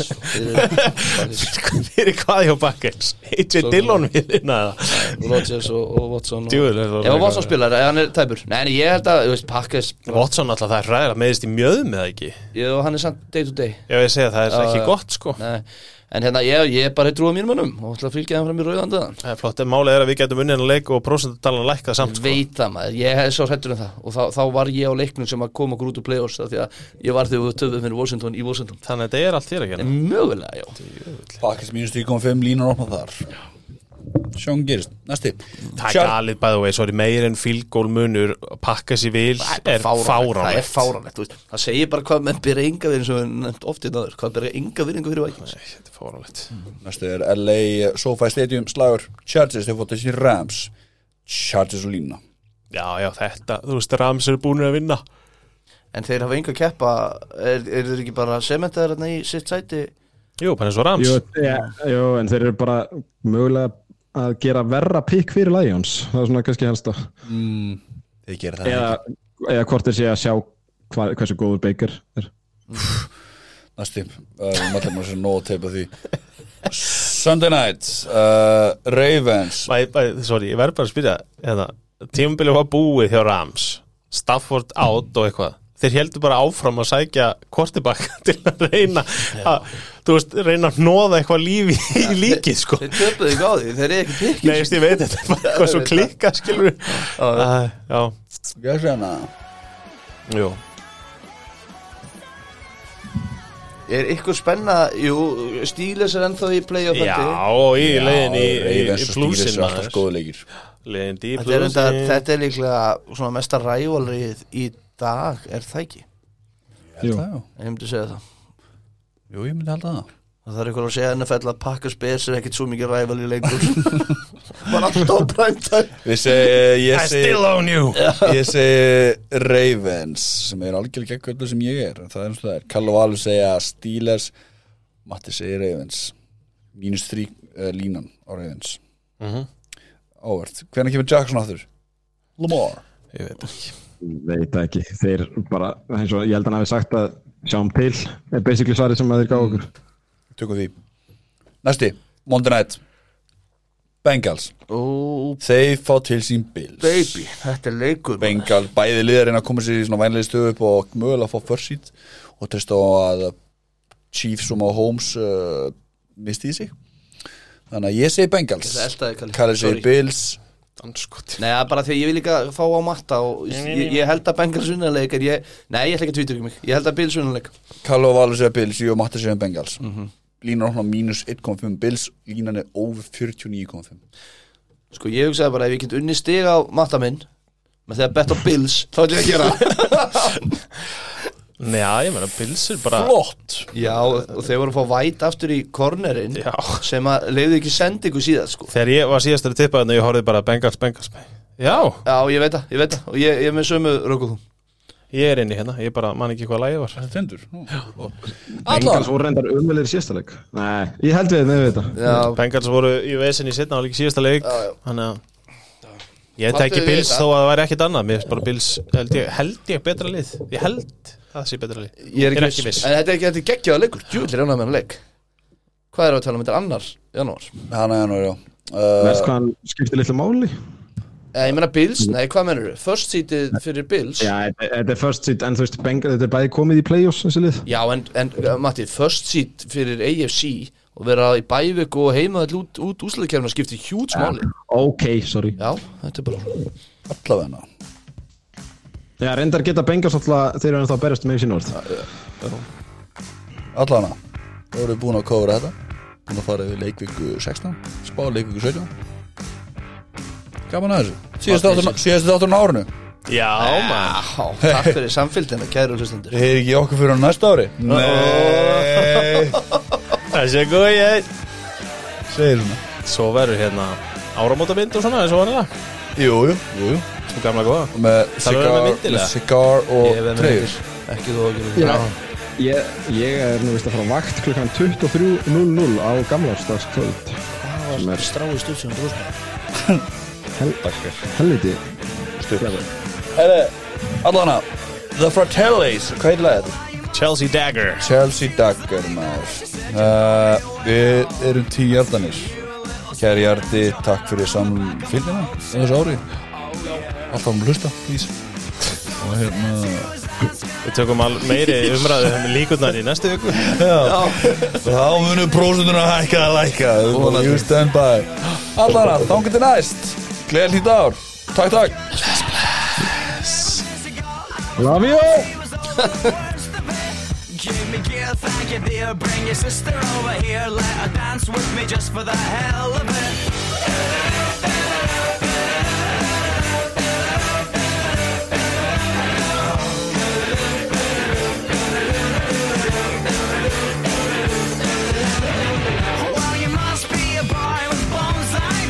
said you got me wrong I would've sold him to you if I could I just have kept the last of my clothes on Oh yeah Call me up, take me down with you when you go.